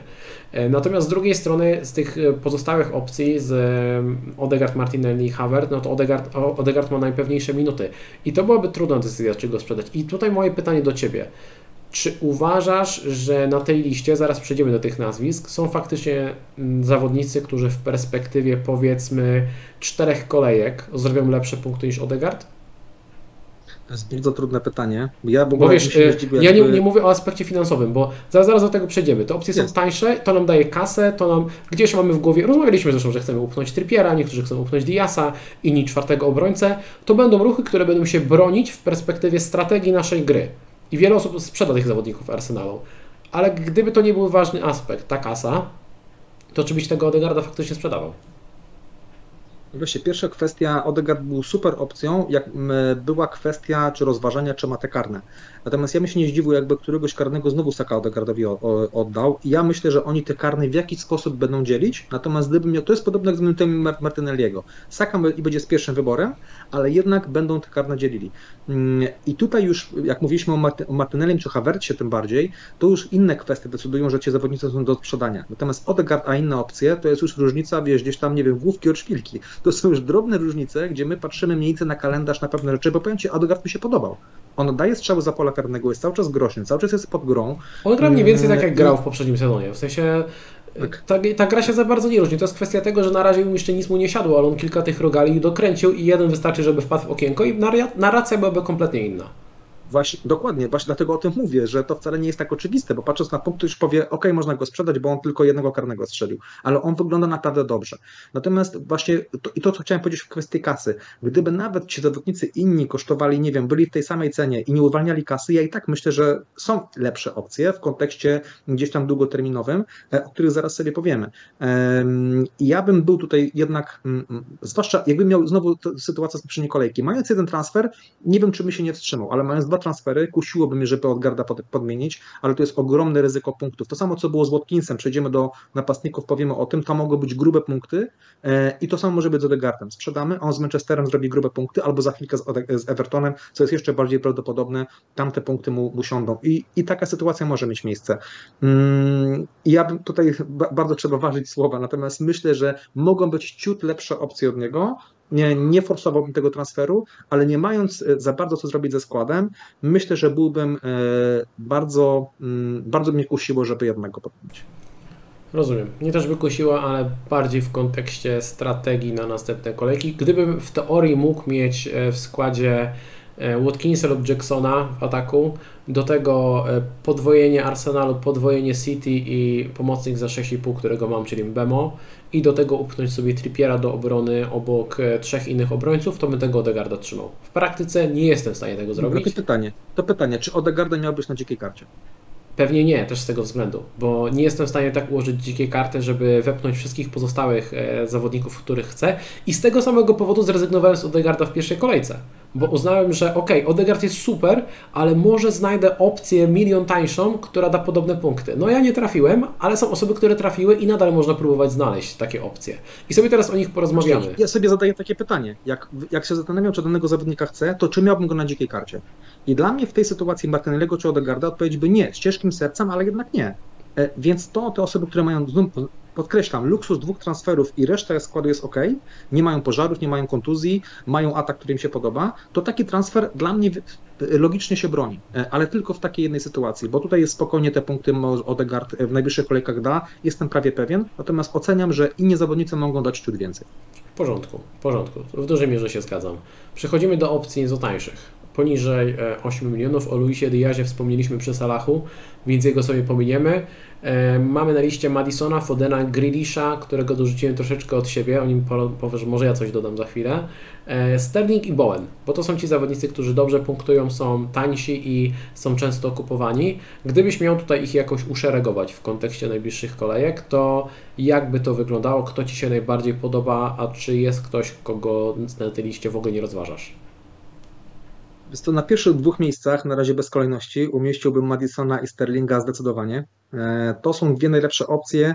Madison od, od, już w sezonie mi się, mi się podobał i chciałem go mieć w składzie i cały czas go jeszcze nie mam i boję się, że za chwilkę on skończy mecz z bardzo dobrym wynikiem.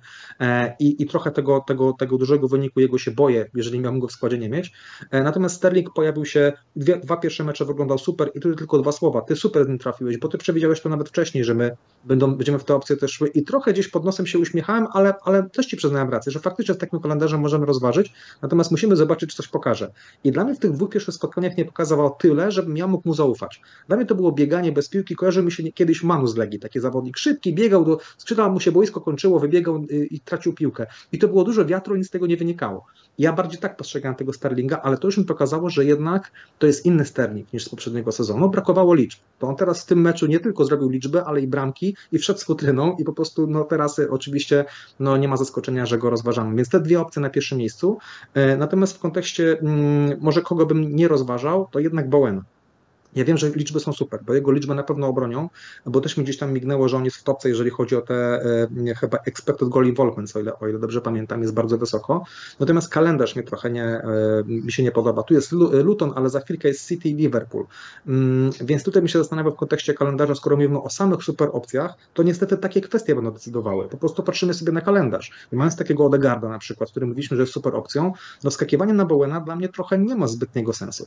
Mm, więc tutaj te osoby, które czy układają dziką kartę, czy mają, uważam, że też mają na pewno dobrą pomoc, no to takie przeskakiwanie dla mnie na Bowena podczas na kalendarz sensu by nie miało.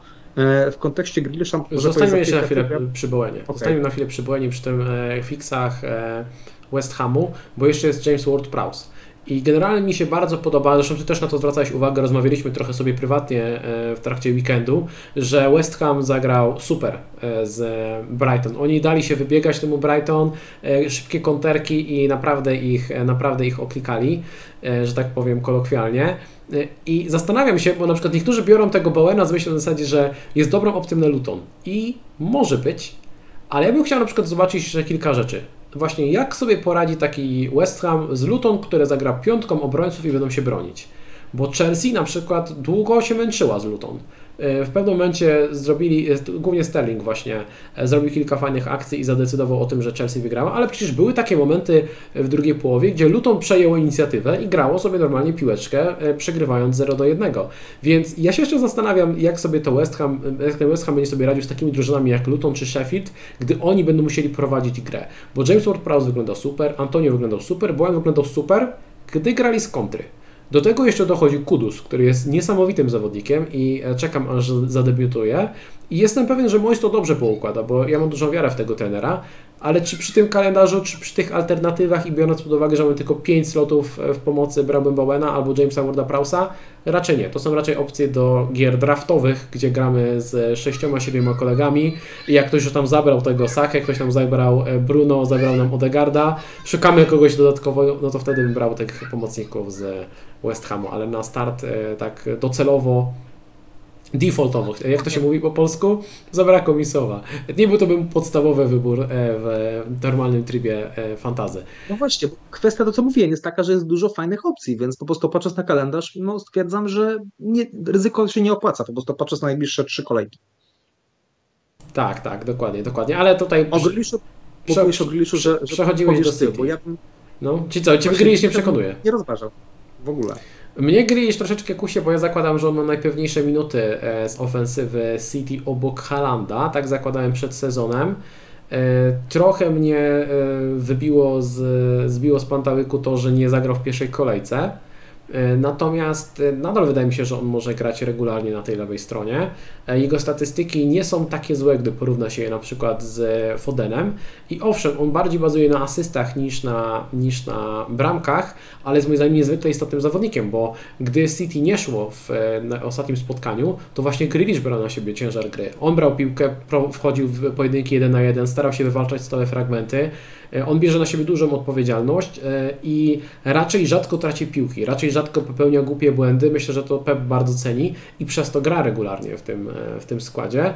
To nie jest opcja eksplozywna. Nie spodziewam się, że Grealish zrobi 19 punktów w najbliższej kolekcji, tak jak zrobił to Sterling, bo zbyt rzadko pojawia się bezpośrednio w polu karnym, oddaje trochę za mało strzałów ale jako taka opcja, którą można sobie wcisnąć do składu i być, no nie powiem, że pewnym, ale nieco pewniejszym, że będzie w pierwszym składzie niż inne opcje z, z City, to wydaje mi się, że Grealish jest, Grealish jest w porządku, chociaż nie ukrywam, że bliżej mi jest do e, tańszego Sterlinga.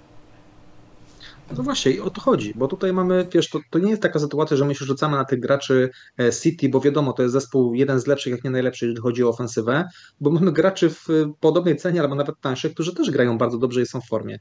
E, a my tutaj mówimy jednak o zespole, który trochę rotuje, bo Foden teraz, co prawda, bo jeszcze o, o Fodenie słówko, no nie zagrał, natomiast to nie była kwestia taktyczna, tylko typowo e, choroba, źle się czuł i, i po prostu wszedł z ławki i tak posiadacze mieli szczęście, że złapał asystę tak przypadkową, że to był lekki cyrk, ale dobra, powiedzmy, że gdzieś tam e, się powiedzmy, udało. Że, powiedzmy, że to była sprawiedliwość. Wydaje mi się, że to było sprawiedliwe. W sensie trochę się wkurzyłem, jak to zobaczyłem, bo mówię, a, wszedł, mówię, zablokuje niektóre ławki, e, nie zrobi blanka, super, dla mnie fajnie, bo wiedziałem, że już mój Havert zrobił potężny jeden punkt, więc się cieszę, mówię, kurczę, może Foden też zrobi jeden, może nie będę aż tak bardzo żałował, nie? No zrobił tą asystę, ale tak szczerze to było sprawiedliwe, bo wydaje mi się, że Foden wyszedłby normalnie w pierwszym składzie na ten mecz, gdyby nie choroba, więc to były zasłużone punkty, patrząc z perspektywy decyzji podjętej przed kolejką.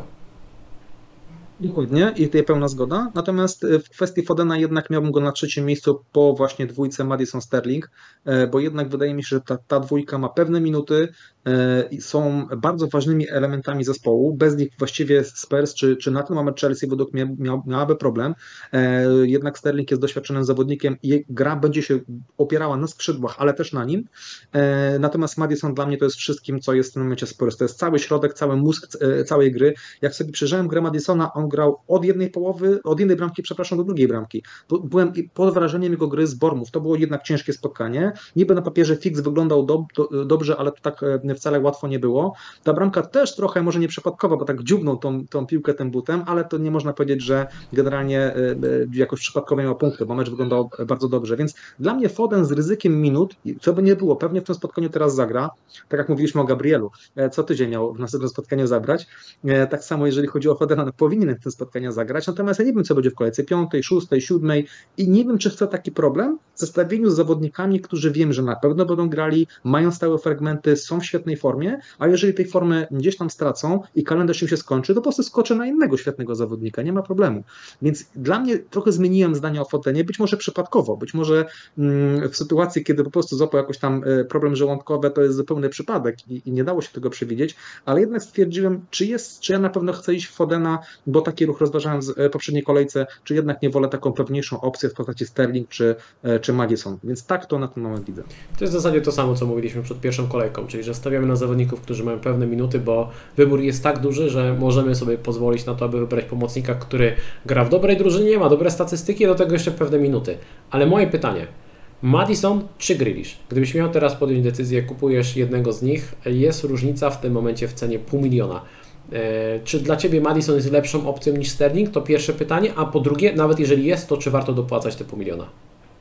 Właśnie powiedziałeś, czy Grealish, się trochę zdziwiłem, ale myślałem, że miałeś na myśli Sterlinga. Sterlinga, okay. Sterlinga, tak, zdecydowanie. Ten Dobra, Grealish chodzi mi, tutaj, chodzi mi po głowie, bo tutaj czytałem czat. Okej, okay. to jest bardzo trudne pytanie, bo dokładnie przed takim e, dylematem sam stoję.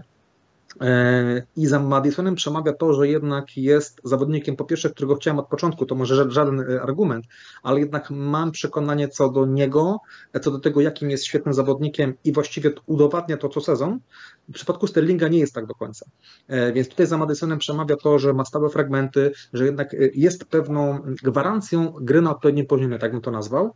E, bo nie mówimy tu o minutach. Jeden i drugi dla mnie ma pewne minuty. Natomiast Sterling jest pewnym zawodnikiem, który ok, dwa, trzy lata temu był fajną opcją, natomiast zeszły sezon miał fatalny. No ktoś powie jak cała Chelsea, ale jednak. I tutaj czy po trzech spotkaniach jestem już tak pewien, że on e, nagle eksploduje i co mecz będzie tak wyglądał. Jest według mnie to jakiś znak zapytania. Więc e, jeżeli patrzyłbym pod tym kątem, to Madison wysuwa się wyżej właśnie z tymi samymi fragmentami. Natomiast jak sobie patrzę na kalendarz, to jednak bardziej mi się podoba kalendarz Sterlinga. E, I patrząc na najbliższe pięć, powiedzmy, spotkań, to wygląda dużo lepiej niż kalendarz Madisona. Mm, I, I, nie wiem, czy w tej sytuacji na ten moment lekko bardziej skłania się ku Sterlingowi właśnie z uwagi na kalendarz i z uwagi tego, jak świetnie zagrał z, z Lutą. Mm, I to mi się bardzo w tej sytuacji podoba, natomiast jestem bardzo rozdarty między tymi dwoma zawodnikami i naprawdę to są znowu niewielkie różnice. E, I chciałbym trochę na zasadzie wziąć teraz Sterlinga, a może za 3-4 kolejki przeskoczyć na e, na przykład po meczu z Liverpoolem na Madisona. Tak sobie gdzieś mam to w głowie najlepiej, idealnie, gdyby dało się obu. Więc tak jak mówię, sam jestem przed tym dylematem, sam do końca nie jestem zdecydowany jeszcze w 100%, natomiast na teraz bym powiedział Sterling.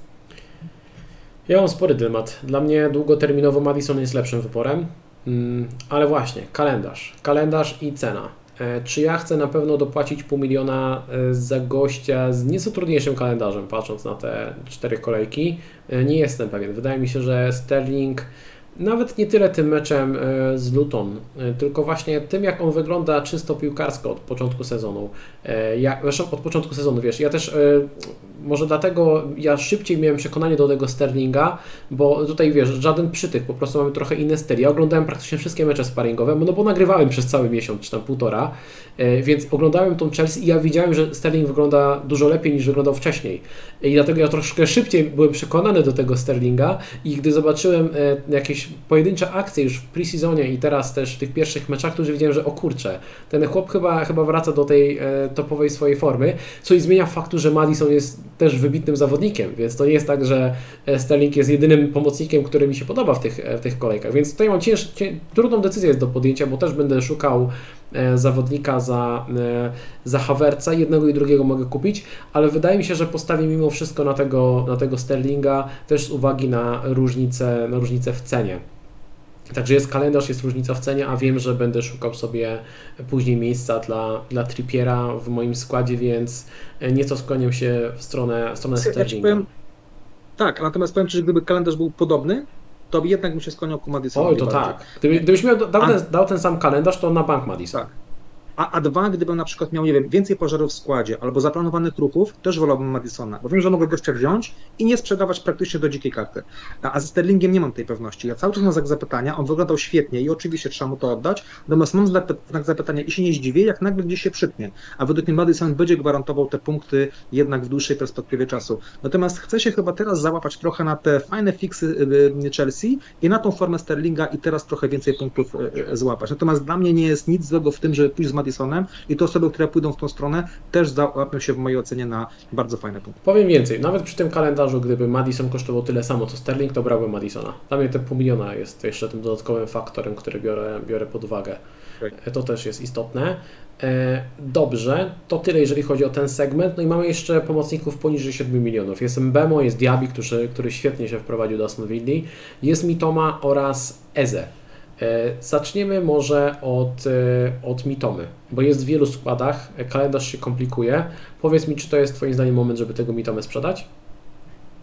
Znowu taki trochę sytuacja jak z Odegardem, ale jednak chyba ciut łatwiejsza, bo ten kalendarz jest dużo trudniejszy i zaraz zaczynają się europejskie puchary. Mm, ja w tej sytuacji, jeżeli nie miałbym Błemo, a patrzę na jego kalendarz, to jednak taki ruch by mnie korcił. Albo chociażby Sterling czy Madison, to już w ogóle, prawda? Ale powiedzmy jest inna półka cenowa, więc może kogoś nie stać. Natomiast dla mnie Błemo, Madison i Sterling to, są, to jest topka tych opcji w tej cenie niższej, poniżej tam powiedzmy 8 milionów. E, natomiast no, ten Mitoma sam nie wiem, co bym zrobił, gdybym miał w składzie, ale patrząc na te najbliższe dwa spotkania, e, ciężko mi było nie kliknąć takiego transferu. Tym bardziej, że my teraz trochę bawimy się luksusowymi transferami. My się bawimy pomiędzy opcją dobrą a dobrą. Wielokrotnie będę to powtarzał. Więc dlaczego, skoro mówimy o Odegard na e, sprzedaż, dlaczego mi to miałbym nie sprzedać? Mm, ja chyba jednak, jeżeli miałbym pożarów w składzie, to tego Mitoma na takiego Błemo bym, czy tym bardziej Sterlinga, czy Madisona, bym jednak podmienił. Ja bym, wydaje mi się, że też bym to zrobił. E, Mito ma zgarnął fajne punkty i biorąc pod uwagę trudniejszy kalendarz, potencjalne rotacje związane z grą w europejskich pucharach, to raczej bym e, kliknął i zrobił podmiankę. Nie kliknąłbym w tym momencie, nie brałbym e, Diabiego z uwagi na ten kalendarz, podobnie jak w przypadku Matiego Kesha. On wygląda dobrze, on wygląda dobrze, naprawdę, ale najbliższe cztery kolejki chyba są lepsze opcje.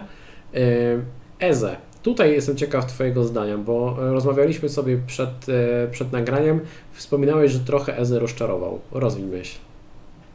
Wiesz co, no w tym pierwszym spotkaniu mi się bardzo podobał. Był naprawdę bardzo groźny i, i, i tak nawet zacząłem zmieniać co do niego zdanie. Mówię, to jest fajna opcja. Naprawdę tutaj e, warto się zastanowić, czy na tego, na tego Eza gdzieś tam tego zawodnika nie brać, ale w tych kolejnych spotkaniach one nie były proste w porządku, natomiast nie widziałem po nim czegoś, co widzę w innych opcjach i tego Eza kompletnie na ten moment bym nie rozważał. Mając w składzie, nie wiem, czy bym nawet go nie sprzedał. Oczywiście, znowu muszę podkreślić, to nie znaczy, że Eze żadnych punktów nie zrobi, bo ten kalendarz jest całkiem ok, taki bardzo w kratkę bym powiedział, bo są Wilki, potem jest Villa, potem jest Fulham, Manchester, Nottingham Forest i Newcastle. Naprawdę do, do, dosłownie w każdej kolejce, z kolejki na kolejkę ma łatwy, trudny, łatwy, trudny mecz na, na, na zmianę. Natomiast to, co powiedziałem w przypadku Mitomy, wydaje mi się, że są lepsze opcje. Eze nie wyglądał aż tak dobrze, żebym miał go trzymać i jednak te osoby, które poszły w Eze, nie ma nic złego w przetrzymaniu, E, mając jeden transfer, ale mając dwa transfery znowu patrzyłbym na Błemo, na Sterlinga, na Madisona i taki ruch bym zrobił. Dobra, czyli Bemo też chyba się zgadzamy, że to jest najlepsza opcja do 7 milionów, ale teraz trudniejsze pytanie.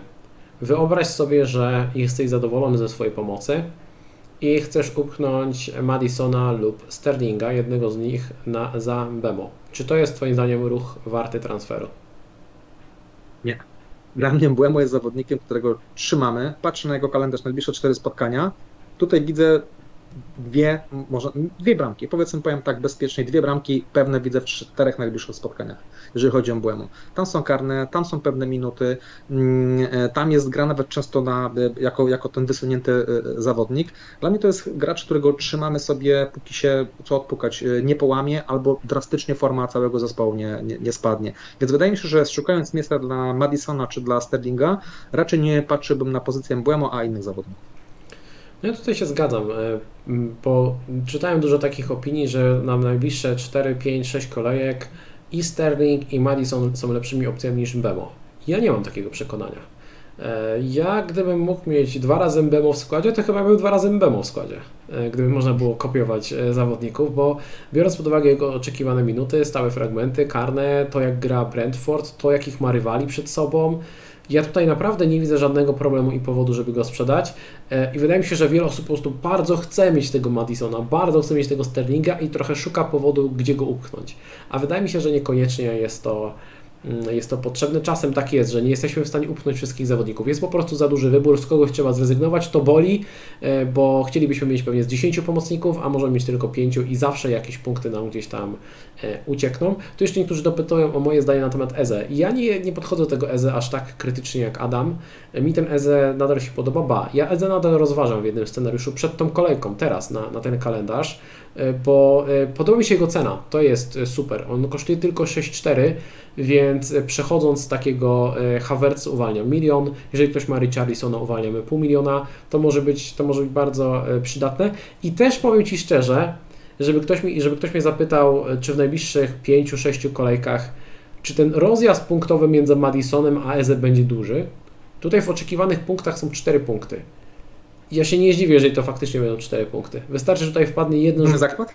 My może, możemy, nie wiem, czy chcemy się założyć. Mówisz, że co, że będzie o 4 punkty?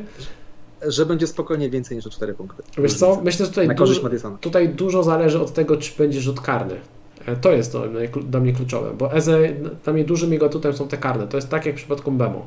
Miał dwa karne, strzelił dwie, bramki i był opcją must have. Jeden mecz zagrał trochę bardziej z boku, no bo Brentford zagrał czwórką z tyłu, a nie z wahadłami. Był bardziej ustawiony z boku, e, rzadziej był w polu karnym i było karnego i nagle wysprzedajemy Bemo, bierzemy e, Sterlinga i, i Madisona. To jest takie trochę, trochę losowe. Gdyby miał się zakładać, to też bym obstawiał, że jednak Madison zrobi tych punktów więcej, nie? Ale to nie jest tak, że. Wydaje mi się, że na przykład Madison ma stałe fragmenty, a Sterling może mieć karne. Więc też o tym pamiętajmy, że to nie tak. są takie złe opcje. I ja bym tylko chciał jedną rzecz powiedzieć o EZ. To nie to, że jest fatalna opcja i, i w ogóle przestrzelony, przestrzelony pik. Nie, znowu podkreślę, wszystkie opcje są dobre. Natomiast uważam, że tamte, o których mówiłem wcześniej, są ciut lepsze od EZE. I po prostu dlatego taki luksusowy transfer, mając dwa transfery, sprzedałbym EZE tylko w tej sytuacji, nie mając jeden, bo fix u siebie z wilkami jest super fixem, więc żebym był dobrze zrozumiany. To nie jest tak, że panicznie wysprzedajemy EZE. Natomiast mamy tyle fajnych opcji, że z dwoma transferami, a dużo osób w takiej sytuacji jest, ja bym takiego ruchu nie bał się po prostu zrobić. Tak, tutaj niektórzy pytają, czy wiemy, czy Madison ma karne, czy nie. Nie wiemy, ale z wypowiedzi Enża Postrokoglu wynikało chyba, że e, Son jest pierwszy do karnych. Tak można było wnioskować, a Eze ma wszystko, ma wszystkie stałe fragmenty i ma też e, rzuty karne. E, dobrze, słuchaj, to żeby to jakoś podsumować, mamy tych opcji całe mnóstwo. Gdybyś miał teraz ułożyć na dzikiej karcie pomoc, to wskaż te top 5 opcji. Jak patrzę sobie od dołu, kolejny przypadkowa. Błemo e, na pewno, e, Saka na pewno, Bruno na pewno, Sterling i Madison. Tak bym to chyba ułożył. Czyli zrezygnowałbyś z Rashforda na rzecz e, Sterlinga lub, e, lub Madisona. Dokładnie. Tak mi się wydaje, że chyba bym to zrobił patrząc na te fiksy, Natomiast to, to, znowu, to są ciężkie wybory. Znowu różnica główki od szpilki. E, a punkt, punktowo może się bardzo mocno oczywiście to rozjechać, ale jednak bardzo mi się podobają te dwa najlepsze fiksy Madisona i fiksy Sterlinga, o czym mówiliśmy, i dużo bardziej mi się podobają niż Rashforda. Na szczęście nie muszę takie decyzje podejmować, dlatego uważam, że to jest zły moment, żeby grać dziką kartę. Mm, bo jednak za mało mamy tych informacji i trochę się bawimy tymi transferami, a to nie są jednak tak do końca przemyślane ruchy z uwagi na to, że mamy za mało informacji. Mm, więc nie zalecałbym takiej sprzedaży ale na, na dzikiej karcie chyba bym taką pomoc ułożył. Dla mnie Saka, Bruno, Bemo na bank. Mimo wszystko miałbym Rashforda jaką tą czwartą opcję.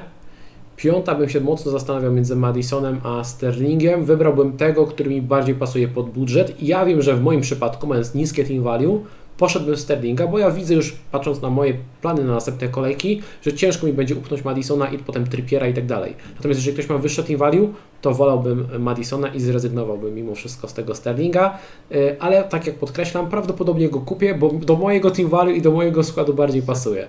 Y, więc to też jest taki, to też jest taki y, paradoks. Możemy przejść do ataku? Chyba tak. Chyba Myślę, tutaj tak. nie mam to. Aha, chciałem tylko dodać, bo niektórzy tutaj pytają o Rodriego. Rodri fajnie punktuje i gra trochę bardziej ofensywnie niż w poprzednich sezonach, ale no mamy tutaj kilkanaście opcji, które uważamy za lepsze. Trochę brakuje slota, więc jeżeli gracie w draft z kolegami i e, nie możecie powtarzać tych samych nazwisk w składach, no to taki Rodri jest w porządku, e, ale nie, nie do FPL-a, tak myślę. I chciałem zwrócić uwagę na e, Sara z mm, Tottenhamu. Opcja za 4,5 miliona, gra bardzo fajnie na takiej ofensywnej ósemce. Czasem schodzi do boku, czasem wbiega w pole karne, robi niezłe liczby, kosztuje 4,5 miliona, więc jeżeli ktoś układa kartę w systemie systemie 3-4-3, no to taki start za 4,5 miliona jest naprawdę ciekawym e, wyborem.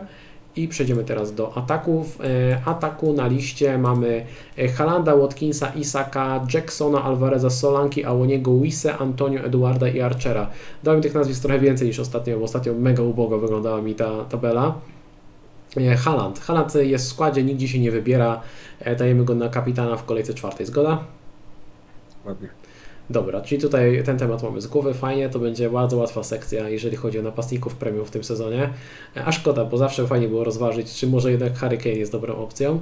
E, przechodzimy do... Dlaczego go znowu nie wzięliśmy i dlaczego znowu zrobił punkty i dlaczego nas pokarał i dlaczego znowu zrobimy to w kolejnej tak, następnej kolejce. Tak, to był taki stały fragment gry w naszych, e, w naszych nagraniach, niestety go nie ma, także tęsknimy za Harrym. E, Watkins, słuchaj, mam Watkinsa, ty go nie masz i powiedz mi, co ja mam z tym Watkinsem zrobić. Teraz na rozkładzie Liverpool, e, Palace, Chelsea, Brighton, Wolverhampton, West Ham.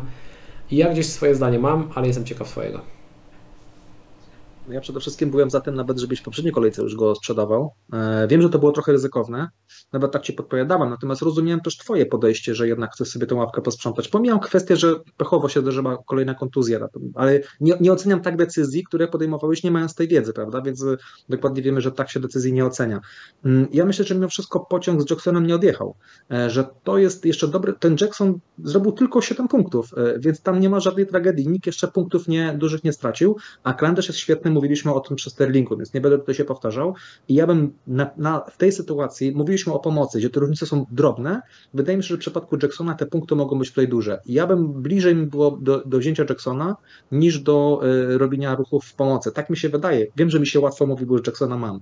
I wiem o tym, że gdybym tego Watkinsa w składzie miał, też miał z tyłu głowy, że to nie jest zła opcja, że jednak co kolejkę te punkty daje, że Liverpool przecieka i spokojnie tutaj bramka może wpaść, pełna zgoda. Natomiast jednak Liverpool, Crystal Palace, mówiliśmy, to nie jest wcale łatwy fix. Chelsea i Brighton, jakby nie było, to nie są łatwe mecze, ale Jackson w tym samym momencie naprawdę fajne spotkania, więc ja bym jednak e, taki ruch e, tutaj polecał. Ja mam spory dylemat, powiem Ci, z tym Watkinsem, bo e, patrząc nieco dalej w kalendarz, ja się zastanawiam, czy po pierwsze, to na przykład od kolejki piątej ja, to ja patrząc na kalendarz od kolejki piątej, to ja nie wiem, czy Watkins z powrotem nie jest jednym z najlepszych napastników. Tylko ten mecz z Liverpoolem tak wygląda średnio, bo w tym samym czasie y, Jackson gra z Nottingham Forest, Alvarez gra z Fulham i to wygląda tak sobie. A od kolejki piątej ten kalendarz już wygląda dużo lepiej. E, po drugie ma pewne minuty, e, tutaj nic się, nic się z nim nie dzieje. Po trzecie Aston Villa wygląda świetnie. Mm, jedyne co mnie martwi, to, że trochę brakuje mu kontaktów w polu karnym i to wejście, e, wprowadzenie do drużyny Diabiego sprawiło, że często to Diaby wbiega w pole karne, a Watkins gdzieś tam się cofa pod rozegranie. Trochę wygląda jak taki mały Harry Kane z e, Tottenhamu. asysty. E, tak, tak. Oczywiście to nie jest ta sama klasa, ale on podchodzi pod rozegranie, walczy, stara się dużo, dużo asystować. Niekoniecznie jest w polu karnym, chociaż kurczę, no mógł mieć spokojnie dwie bramki w tym meczu. Najpierw e, Diaby podawał z lewej strony setka Watkinsa, świetna interwencja bramkarza, a po chwili, znaczy po chwili, no trochę minut minęło, ale była też sytuacja, w której Zaniolo powinien mu wyłożyć na pustaka, więc gdyby Watkins strzelił dwie bramki, to byłaby zupełnie inna dyskusja. Zastanawiam się, co robić tym Watkinsem i powiem Ci, że jeżeli e, będzie mnie stać, to go przetrzymam, ale obawiam się, że nie będzie mnie stać, bo już sobie na to też spoglądałem, że jeżeli przetrzymam tego Watkinsa, to może mi brakować za chwilę kasy na kolejne transfery. E, I nie wiem, czy nie będę poniekąd zmuszony, żeby zejść na kogoś tańszego, bo widzę zawodników, którzy mają podobny potencjał, a kosztują mniej. Więc gdyby ten Watkins kosztował 7 milionów, to bym tutaj się nie zastanawiał, bym go trzymał. Natomiast przez to, że kosztuje 8, zastanawiam się, czy nie poszukać tutaj, e, czy nie poszukać podmianki, a, a szkoda, troszkę, troszkę szkoda, bo wydaje mi się, że on ma e, duży potencjał i te 15 punktów jest ok, ale wydaje mi się, że to był potencjał na, na więcej punktów w tych pierwszych, e, w pierwszych trzech kolejkach. Następny na liście jest Isak. I no tutaj dla mnie to nadal jest problem. Nie wiem, jak Ty się zapatrujesz, tutaj byłeś większym fanem tego, tego wyboru, bo trzecia kolejka z rzędu, trzeci raz ta sama sytuacja, 60 minuta, Wilson idzie na rozgrzewkę i po chwili wchodzi na boisko. No i i nie będzie lepiej, że tak powiem, bo zaraz zacznie się Liga Mistrzów i będziemy chyba częściej oglądać taką, taką sytuację. Trochę mnie to też boli, bo myślałem, że to nie będzie to spotkanie, e, że to będzie, będzie to jakiś czas e, tak wyglądało, ale nie zawsze to będzie ta 60 minuta, czy on wszedł tam 70 powiedzmy, ale, ale widać, że to będzie ten czas, kiedy te, ta, do tej zmiany będzie dochodziło. I też się nie zdziwię, jak w którym spotkaniu nagle wyjdzie Wilson, a Isaac e, wyjdzie z ławki, więc ja trochę stygnę z tą decyzją o tym Isaku, chociaż bardzo podoba mi się gra Newcastle, jest mocnym zespołem. Tu będzie mocna decyzja do podjęcia w kolejce gdzieś tam myślę właśnie szóstej, siódmej, e, czy tego Isaka brać, czy go nie brać. Wszystko będzie to zależało od tego, jak będzie się prezentował Jackson e, i, i powiedzmy, jeżeli to zostanie z Watkinsem, to te osoby, które z Watkinsem zostały, też ewentualnie jak on będzie wyglądał. Natomiast tutaj na ten moment patrzę typowo przez pryzmat fixów i to, co mówiliśmy w przypadku pomocy, to samo widzę w przypadku ataku. Ja wybieram te opcje, które są, wszystkie są fajne, wszystkie są dobre. Oczywiście, że Watkins jest dobrą opcją. Natomiast wybieram te, które widzę, że mają lepsze, najbliższe fixy i wydaje mi się, że w tych fixach te punkty powinny gdzieś tam e, się pojawić. Watkins nie ma karnych, mm, więc ja w tej sytuacji, a Isak ma ryzyko minut i też ten kalendarz nie jest prosty, więc dla mnie z tej trójki, bardzo dobrej trójki, jednak ten Jackson wydaje się tą opcją najlepszą właśnie z tego powodu. No i też jeszcze jest taka kwestia, że Chelsea nie gra w pucharach. To jest też duży plus, bo Watkins na przykład w poprzednim meczu, e, w kolejce drugiej, szedł z boiska gdzieś tam, bo było 3 do 0, E, jeżeli się nie mylę wtedy było. No i e, wynik był rozstrzygnięty, więc Emery go zdjął i było widać, że na mecz pucharowy wystawił mocny skład. Efekt był taki, że wszedł Duran wtedy zdaje się na boisko, no i 30 sekund później strzelił gola, gdzie równie dobrze Watkins mógł być w tym samym miejscu, no bo to był błąd e, w meczu z Evertonem. Ashley, Ashley Young zaliczył piękną asystę do, do zawodnika Aston Villa, także troszkę zapomniał, że, że już nie grają razem w klubie. W każdym razie do czego zmierzam? No te minuty mogą być w jakimś stopniu ograniczone i to jest to, to dotyczy się i Watkinsa, i Isaka, w przypadku Jacksona nie do końca. I powiem Ci, że z tym Jacksonem, bo do niego sobie przechodzimy, yy, trochę celowo chciałem poczekać, bo mnie, yy, z tym transferem, bo mnie bardzo interesuje, czy Chelsea kogoś kupi. I tak się składa, że deadline yy, następnej kolejki jest w piątek o godzinie 19.30 i powinniśmy wiedzieć już wszystko na temat tego, czy Chelsea kogoś podpisuje bo to jest też deadline day, jeżeli się nie mylę, jeżeli chodzi o transfery. Wydaje mi się, że na piątek przypada na chyba 23 polskiego czasu albo 24, nie chciałbym teraz się pomylić. W każdym razie będzie tylko kilka godzin do zamknięcia okienka. I jeżeli Chelsea nie kupi dodatkowego napastnika, bo wiemy, że kogoś tam szukają, rozglądają się za opcją ofensywną, to wtedy Jackson dla mnie jest najlepszą opcją z tej trójki. Jeżeli kupię napastnika, to jest dla mnie duży znak zapytania i wtedy raczej nie będę szukał tej podmianki Watkinsa na E, Jacksona. Wiesz, okej, okay, się z Tobą zgadzam, natomiast jeżeli tego Jacksona bym miał i nawet jeżeli Chelsea kogoś kupi, to ja bym nie panikował, bo zanim... Nie, jasne, jak ktoś go ma, to spoko. Pytanie, czy wiesz, czy go kupić, jeżeli zobaczysz, że przychodzi jakiś tam pasnik, nie, do, dodatkowy do Chelsea, bo, e, bo to Zależy jaki, wiesz, to zależy jaki O, przepraszam, tutaj kolega mnie nawet poprawił, że deadline jest przecież w czwartek 31. Słusznie, czyli to już w ogóle będzie po, po deadline transferowym. No to super, to w tej sytuacji tym, tym, tym łatwiej będzie tą decyzję podjąć. Tak jak mówię, to zależy, jakie to byłoby nazwisko. Czy to będzie zawodnik, który czujemy, że faktycznie wejdzie tam grać na tej dziewiątce, mm, czy to będzie zawodnik bardziej jako wsparcie dla, dla Jacksona. Więc no, trochę gdybamy, więc zobaczymy, jak ta sytuacja się rozwinie. No, tak jak mówię, w mojej ocenie to i tak ta opcja może być na teraz, na te, patrząc na fiksy, najlepsza. Natomiast mając jakieś pożary w składzie, jeden transfer zostanie z Watkinsem na te, na te spotkania też nie musi być tragedią. Tym bardziej, bo teraz, y, tak jak mówiłeś o tej wcześniejszej zmianie, on w tej kolejce nie musiał szybciej schodzić, bo już kwestia awansu jest rozstrzygnięta. Oni pierwsze spotkań y, pojechali pełnym składem, załatwili tam chyba 4 czy 5-0 E, grali ze dużo słabszą drużyną, e, chyba ze Szkocji. E, I, i, teraz, jeżeli awansują do, do to mi się wydaje, że znowu mogą być rotacje. Może nie tak mocno jak w przypadku Isaka, ale jednak gdzieś ten Watkins może trochę rotować. Więc jeżeli, tak jak mówisz, ten Churchill nikogo nie kupi, no to bardziej ryzykiem minut jest Watkins niż, niż Jackson. E, tak, może, no może nie bardziej, ale okej, okay. mniej więcej zgoda, mniej więcej zgoda, bo myślę, że czasem też Sterling jeszcze może grać na dziewiątce, tak jak to było pod koniec meczu, e, w meczu z Lutownicą, ale, ale zobaczymy. Ale gdzie go byś dał do, do ataku takiego zawodnika, który ci robi całą grę, gdzieś tam tak, w środku? No tak, tak grał, gdy Jackson szedł z boiska, więc wydaje mi się, że może tak się momentami dziać. Nie mówię, że przez całe spotkanie, ale nie wiem, na 20 minut czy 30 minut, tak się może okay. czasem dziać. Dobra, przechodzimy do następnego nazwiska. Jackson. I tutaj jestem ciekaw Twojego zdania. Oglądałeś City? Bo ja oglądałem Aston Villa.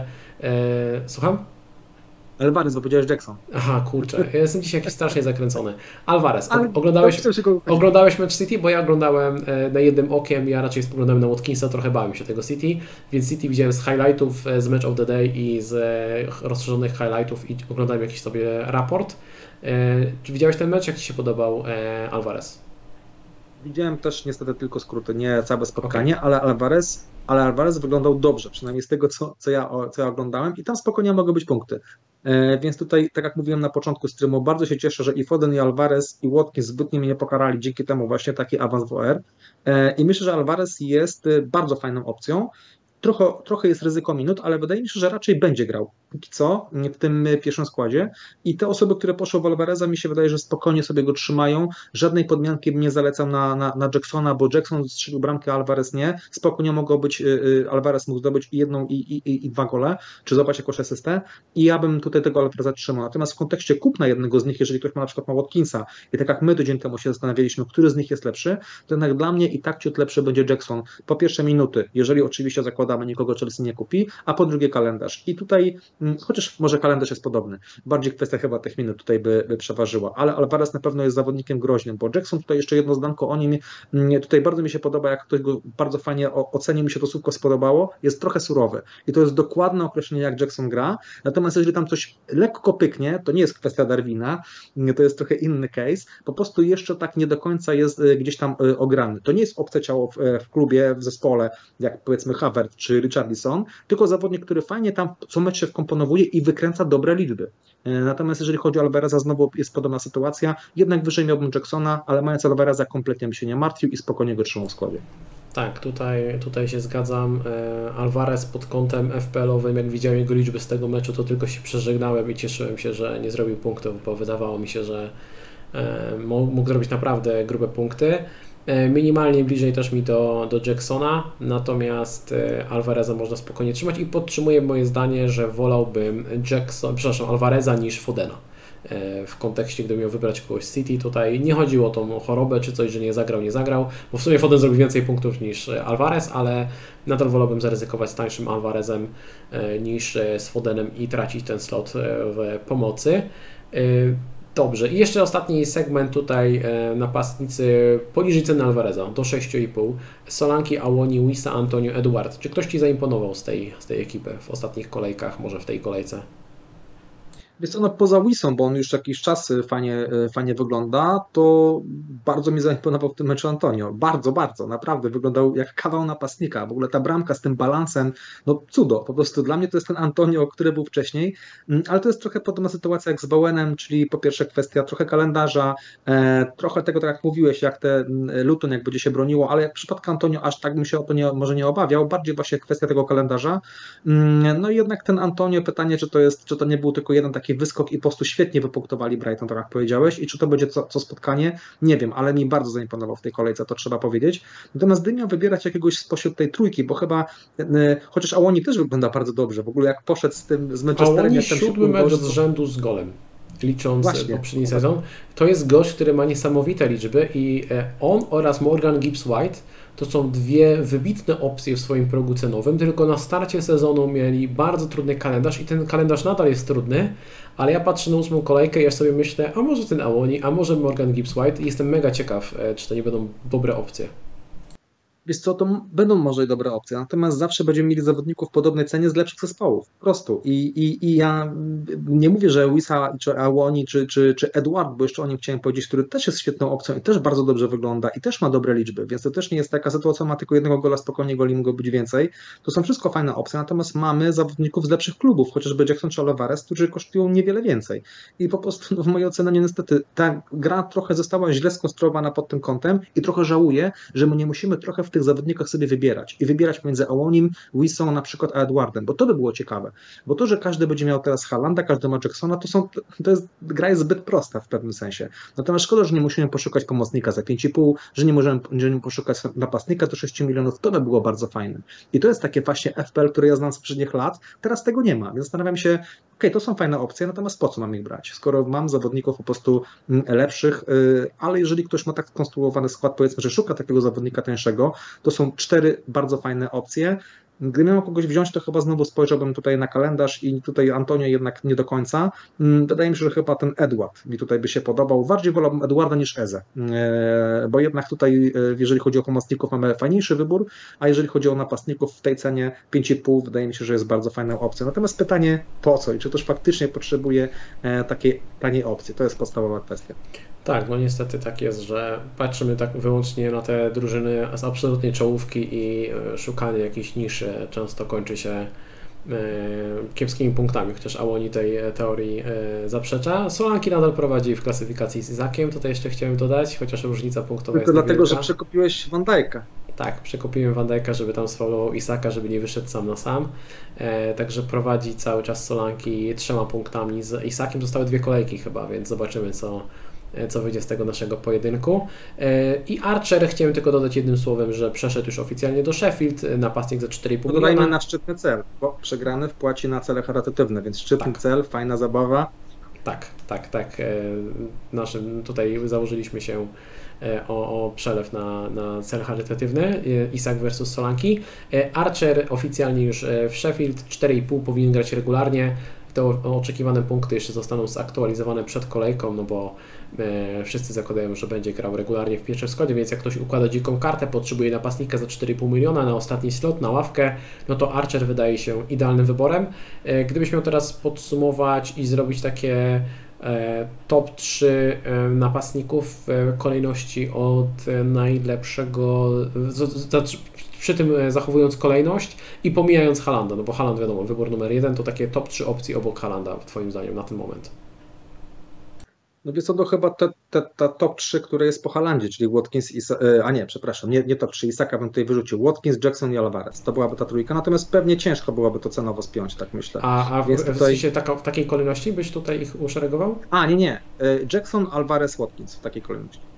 Okej, okay. dla mnie chyba Jackson, Watkins, Alvarez. Ja mam wysoko Watkinsa nadal i nadal się zastanawiam, czy na pewno mam wyżej Jacksona niż Watkinsa. E, ale chyba mam, chyba mam na te najbliższe, najbliższe kolejki. Watkins jest o tyle spoko, że kalendarz od ósmej kolejki ma dużo lepszy, ale no tutaj jeszcze sporo czasu do tej ósmej kolejki. Że Pedro zniknął z tej tabeli, z tego względu, że też zniknął z wyjściowej jedenastki w ostatnich e, dwóch meczach.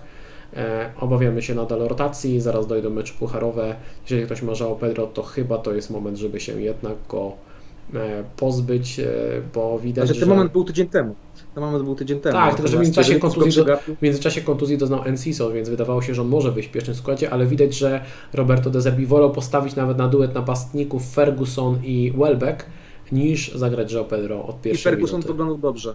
Bo tak jak mówię, żeby nie oceniać tego meczu, oglądałem go dokładnie, nie oceniać tego meczu tylko przez pryzmat wyniku, bo Brighton wyglądało dobrze, Ferguson też miał swoje okazje, po prostu e, e, West Ham zagrał bardzo mądrze i trochę tak jak taki e, lew, dał się wyszaleć najpierw myszce, a potem klapnął łapą i załatwił całą sprawę, więc naprawdę mm, pod wrażeniem jest od tego, jak to fajnie West Ham rozegrał. Trochę tak, trochę tak. Słuchajcie, jeżeli stream Wam się podoba, to kliknijcie łapkę w górę, bo to pozytywnie wpływa na algorytmy YouTube'owe. A my teraz przejdziemy, Adam, do Twojego składu, bo chyba w kontekście ataku nie ma co tutaj więcej dodawać. E, u Ciebie w składzie w tym momencie Onana na bramce. Onana, który swoją drogą punktuje gorzej od Pickforda w ostatnich dwóch kolejkach. Warto Moment, o tym wspomnieć. Onana zrobił trzy razy, prawie trzy razy więcej punktów niż Pickford, więc wydaje mi się, że jednak wybór był lepszy. Oj, oj, ale w pierwszym meczu on powinien stracić CS, a tam... Nie tam... wiem w jakim meczu. Po tam... trzech kolejkach ma prawie trzy razy więcej punktów od Pickforda. To ukradłeś tego CS-a, tam, tam był ewidentny rzut karny, ostatnie dwie kolejki to jest dramat. E, Onana, e, Chilwell, Saliba, Estupinian, Rashford, Bruno, Bemo, Saka, Martinelli, Haaland, Jackson, tak wygląda Twój skład na ławce Turner, Archer, Baldo, Cabore. E, Pierwsze pytanie, co z transferami? Kogo planujesz kupić i za kogo? E, no, mam dwa transfery i znowu jest sytuacja trochę podobna jak w poprzedniej kolejce. Znowu tutaj na siłę mógłbym nie robić transferu e, i zastanawiam się, gdzie ten transfer chciałbym użyć e, i myślę o dwóch miejscach. Przede wszystkim Martinelli z powodów, o których mówiłem, czyli boję się trochę minut, bo fix wcale nie jest taki zły wbrew pozorom, natomiast boję się trochę jego minut w dłuższej perspektywie czasu i tak jak ten ruch z Jacksonem, podobnie z Martinellim, zastanawiam się, czy tutaj nie ustawić się trochę na następne kolejki i umówiliśmy to przy pomocnikach. Ciut wyżej mam na ten moment Sterlinga, a zaraz za nim Madison więc myślę, że tutaj gdzieś między tymi dwoma zawodnikami będzie e, walka, który z nich skoczy do składu. Nawet przez chwilę rozważałem e, podmiankę przed deadline'em jeszcze, czyli tutaj nawet zrobić taki szybki transfer, e, ale potem stwierdziłem, że i zresztą ty mi tak trochę też to uświadomiłeś, że Pytanie, czy ja tą kasę będę potrzebował, bo ty, bo ty masz co prawda grającego no, obrońcę na ławce, ale ja mam trochę więcej kasy, bo mam Onanę, który jest trochę droższy. Ale potem sobie zobaczyłem, że ja, nawet jak się zmienią ceny, to mnie dalej na ten ruch będzie stać w kontekście trypiera, bo zaraz przyjdę do obrony. Więc stwierdziłem, skoro będzie mnie stać, to jednak z takim składem nie mogę ryzykować szybkiego transferu, bo to nie ma zbytnio sensu, tym bardziej, że w tygodniu są mecze pucharu więc tutaj e, i, i, sporo zespołów e, będzie grało, więc chyba za duże ryzyko w, kontu, w kwestii kontuzji. E, więc wydaje mi się, że najprawdopodobniej ten transfer zrobię.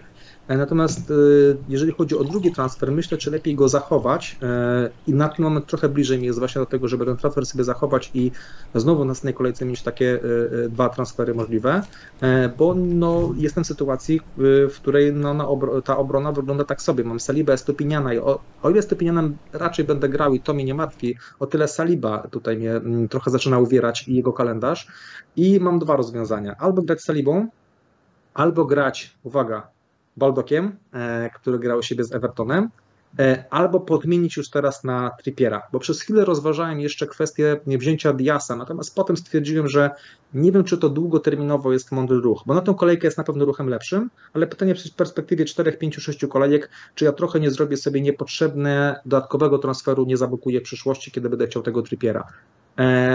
I właściwie mam do Ciebie pytanie, bo kwestię tego Sterling a Madison znam Twoją e, opinię. Natomiast czy Ty byś zachował transfer, czy podmieniałbyś tego Salibę już teraz na Trippiera, czy być może grałbyś Boldokiem? E, gdybym nie zrobił transferu w obronie, to grałbym Boldokiem. Sam go w składzie, zaraz ten skład pokażę, ale gdybym, e, gdybym chciał zrobić ruch, to bym kupił Trippiera.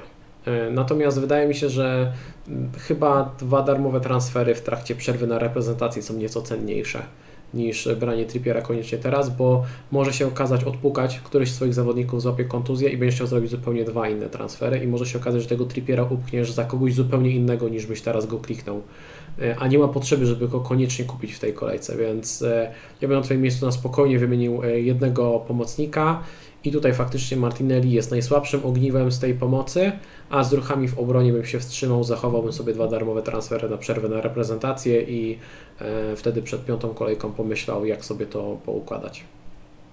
No i tak myślę, że to chyba jest najsensowniejsze rozwiązanie, bo gdyby Trippier ma teraz fajny fix, to raczej bym się skłaniał ku zrobieniu tego transferu. Ale ten transfer w żaden sposób mi, tak czuję, nie zrobi aż takiego upgrade'u na teraz, a zawsze mogę z tym ruchem e, poczekać. I tak jak tutaj ten skład e, widać, gram, jest Saliba wystawiony, ale bardzo blisko mi do tego, żeby jednak zagrać tym Baldokiem, więc tutaj e, zobaczymy, bardzo ekscytująca decyzja, zobaczymy gdzieś tam przed piątkiem czy w piątek ją finalnie podejmę.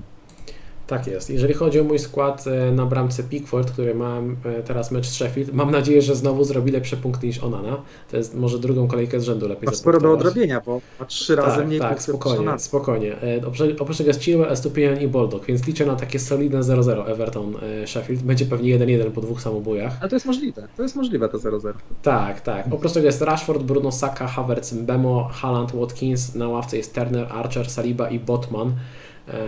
Ten Botman kupiony wcześniej już pod, pod następne kolejki, tam piątą, e, ósmą i tak dalej, żeby rotować z Estopinianem. Mam nadzieję, że będzie zdrowy. E, jeżeli chodzi o moje ruchy, dwa darmowe transfery mam. Na pewno wylatuje Havertz. Na pewno wylatuje Havertz, to jest e, na 100% pewne.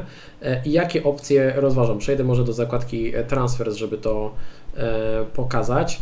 Jeżeli e, kupię sobie e, w to miejsce, w to miejsce Madisona, to mogę mieć taki problem, że nie będę miał za bardzo jak upchnąć e, Trippiera. Musiałbym wtedy na przykład, nawet jeżeli wywalę i Estopiana i Salibę kolejkę później, to jest taka kwestia, że mam e, na Trippiera i na obrońcy do 4,5. Zmienią się ceny, nie będzie mnie stać na obrońcy na 4,5. Kupiłbym słupa, to jest kiepski pomysł, więc ta opcja odpada. Musiałbym zejść z e, Watkinsa na Jacksona, a jeżeli mam przejść z e, Watkinsa na Jacksona, to w sumie lepiej byłoby to zrobić teraz.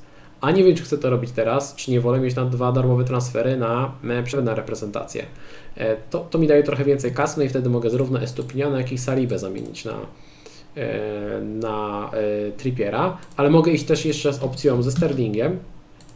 Nie, wtedy mam jeszcze więcej kasy, bo jeżeli się okaże, że Botman ma poważną kontuzję i wypada i dowiem się przed piątą kolejką, że Botman nie jest gotowy, no to stać mnie na to, żeby e, podmienić Watkinsa na Jacksona, Haversa na Sterlinga i nadal stać mnie na podmiankę Botmana na Trippiera. I wtedy nadal gram dosyć szerokim składem, którym mogę sobie w jakimś stopniu rotować i to też jest wariant, który E, który rozważam, więc opcji mam kilka. Jest jeszcze jedna opcja, którą rozważam.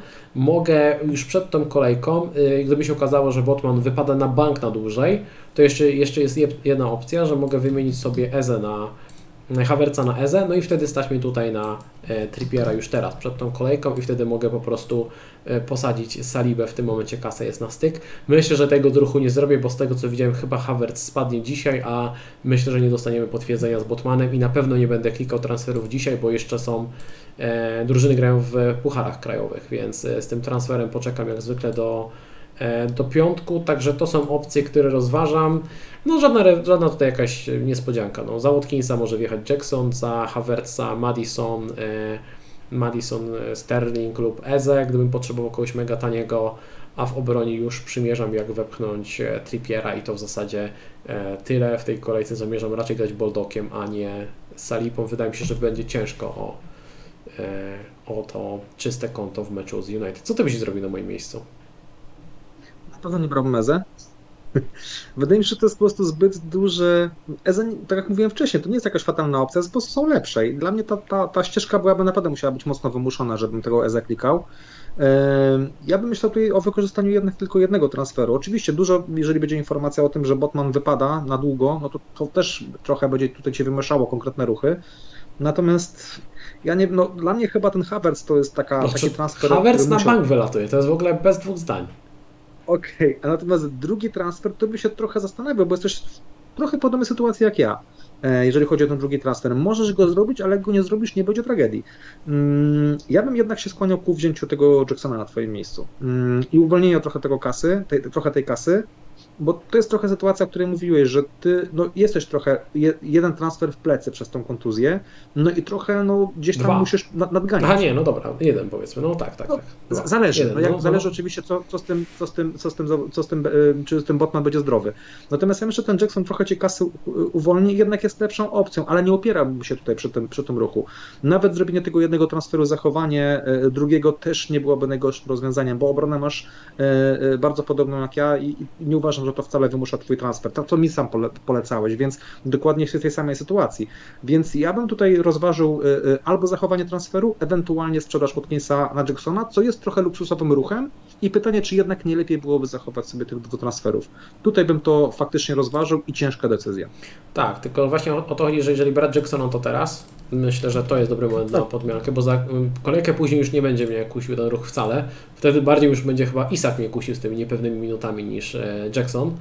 E, a z drugiej strony, jeżeli podmienię, wezmę tego Jacksona teraz, to tak naprawdę stać mnie do Madisona, a troszeczkę bardziej kusi mnie Madison. Tylko zastanawiam się, tutaj, tutaj będzie dosyć ciasno z budżetem. Dosyć ciasno będzie e, z budżetem, jeżeli potem, żeby wcisnąć Trippiera i nie wiem, czy jednak nie postawię na tego tańszego Sterlinga, licząc na to, że po pierwsze jest tańszy, po drugie ma lepszy kalendarz w najbliższych 4-5 kolejkach i, i co? No i chyba... Łatwiej Ci z ruchami trochę. Nie? Tak, potem łatwiej ci tak. nie musisz gdzieś tam się, wiesz, y, obawiać, nie? Tak, i do, otwieram jej dodatkową opcję, żeby ewentualnie Botmana podmienić na, na Trippiera, a nie, a nie koniecznie musieć y, wywalać y, zdrowego Salibę lub zdrowego Estupiana, jeżeli tak się ułoży sytuacja, że po przerwie na reprezentację no to zobacz, zdrowi. jakbyś miał fajnie, jakbyś miał Trippiera w miejsce Botmana, jakby na to było Cię stać i, i to nie jest na styk kasy, tylko masz jakiś zapas, to ja bym jednak w to celował, żeby taką, taki mieć skład za, za chwilkę. E, no już nie mówię, co mogłeś zrobić przed tą kolejką, to już nieważne, jesteśmy w miejscu, w którym jesteś. Więc ja bym po prostu patrzył na to, że jeżeli mógłbym taki skład mieć i nie masz tutaj 0,1, kasy, ile miałbyś kasy, jakbyś taki Właśnie miał zrobić? powiem, jak to wygląda. Jeżeli bym postawił na Jacksona i Sterlinga, to wtedy mam zapas 0,2. Więc e, podejrzewam, że będzie ciasno. Ale może się udać, bo zobacz, Trippier nie zrobił dobrych punktów, nie sądzę, że mu cena skoczy. Nie, nie, nie. E, a a, a e, wydaje mi się, że to może się, może się udać, więc nie znaczy, że ten, ten ruch sobie bankujesz i na pewno to zrobisz, ale masz furtkę do tego. Dokładnie o to podoba. mi chodzi. Dokładnie o to mi chodzi, że Sterling otwiera mi tę furtkę, bo bardzo bym nie chciał się znaleźć w sytuacji, w której e, na przykład Botman ma poważną kontuzję jeszcze ktoś mi wypada w przerwie na reprezentację i nagle myślę o minus 4, a może minus 8, może jednak dzika karta, bo postawiłem na Madisona, nie Sterlinga. I to by było takie to by, to by mnie bolało, po prostu by mnie bolało, więc e, troszeczkę bliżej mi do tego, żeby jednak pójść tego, mm, tego Sterlinga, ale to oczywiście może się zmienić, bo jeszcze są mecze w Europ- nie w europejskich, tylko w krajowych pucharach w tym tygodniu, więc e, czekajcie z ruchami. E, tak jak mówię, od biedy nawet pójdę w EZE. Ja do tego EZE nic nie mam i dla mnie EZE też jest spoko opcją. Jak tak się ułożą transfery, kontuzje czy cokolwiek, że będę musiał kliknąć sobie EZE do składu, to dla mnie jest to E, w porządku, w porządku wybór. E, słuchajcie, wiem, że wiele osób z Was e, tutaj pyta o cenę składu, o to, kogo kupić, kogo sprzedać, kogo posadzić na ławce i tak dalej, ale no nie jesteśmy w stanie odpowiedzieć każdemu. Dobra informacja jest taka, że możecie sobie kliknąć w link na Fantasy Football Hub, jest link w opisie i tam sprawdzić za darmo, jaką ocenę waszemu, Waszej drużynie przypisuje algorytm. Nie jest to żadna wyrocznia, wróżka, nic takiego. Algorytm też się oczywiście myli w kontekście prognozowanych punktów. To nie nie przełoży się jeden do jeden do punktów. E, natomiast można to potraktować jako, jako wskazówkę. E, moim zdaniem dobry skład powinien mieć około 90%. E, Mój skład ma 94 na ogólny, a 90 na tę kolejkę. Czyli widać, że na tą kolejkę jest taki naciągany. Ja się z tym zgadzam, bo mam i Salibę, który gra z United, i Havertza, którego chcę wywalić. Na ławce jest Boldog, który nie jest wybitnym obrońcą, jest Botman, który się świeci, więc faktycznie to jest nieco gorsza kolejka, jeżeli chodzi o o mój skład, zobaczymy jak to się, jak to się potoczy. E, nie damy rady odpowiedzieć na pytania, już prawie dwie godziny siedzimy, jak zwykle się rozgadaliśmy, ale ostrzegałem dzisiaj, że pewnie trochę dłużej pogadamy e, i tak też faktycznie się wydarzyło. Mam nadzieję, że, że to nie jest dla Was e, jakiś problem. Powiedz mi Adam, czy coś chciałbyś jeszcze dodać? Nie, myślę, że nie, że tutaj ta, ta kolejka, miejmy nadzieję, że będzie zielona strzałka następna i na spokojnie wejdziemy sobie E, w tą przerwę na, na, na repy, gdzieś tam bez kontuzji kolejnych, zwłaszcza Tobie życzę, sobie również. E, zielona strzałka to zawsze jest fajnie, taki czas na reprezentację, taki wtedy jest spokój. E, I zawsze wiem, że dużo lepiej się czuję, jak to kolejka przed reprezentacjami pójdzie dobrze i wtedy lepiej się odpoczywa. Tak, no ja liczę, że jak będą zielone strzałki, to co, u Ciebie jakieś top 100k, u mnie top 500, jakby tak się udało, to byłbym naprawdę zadowolony z tego, z tego startu, biorąc pod uwagę okoliczności tego, tego startu. Jest naprawdę ok, myślę, że nie mamy prawa do tego, żeby, e, żeby narzekać. E, słuchajcie, jeżeli stream Wam się podobał, to kliknijcie łapkę w górę, bo to bardzo pozytywnie wpływa na algorytmy YouTube. Jesteśmy bardzo blisko 6000 subskrypcji, więc e, jestem pod ogromnym wrażeniem, jakie wsparcie okazujecie na kanale to jest najlepszy darmowy sposób, aby tutaj nas, nas wspomóc. Dla chętnych założyłem też konto na Patronite, więc możecie dołączyć do naszej drużyny patronów, uzyskać dodatkowe korzyści, kanały do komunikacji oraz walczyć o dodatkowe nagrody. E, link znajdziecie w opisie pod tym filmem. Wszystkim patronom bardzo serdecznie dziękujemy za okazane wsparcie. No i zachęcamy do odpalenia powiadomień, aby nie przegapić żadnego nagrania, bo w tym tygodniu pojawią się kolejne materiały, które przygotują Was do nadchodzącej kolejki Fantazy Premier League. Ja Tobie, Adam, bardzo serdecznie dziękuję. Dzięki. I Wam też wszystkim życzę powodzenia. Dziękuję za obecność. Fajnie, że wpadliście, fajnie, że się udzielaliście, e, przekazywaliście uwagi, feedback na bieżąco. To jest zawsze bardzo cenne. To jest duży plus tych live streamów. Także dziękuję jeszcze raz. Powodzenia. Trzymajcie się i do zobaczenia. Cześć. Cześć.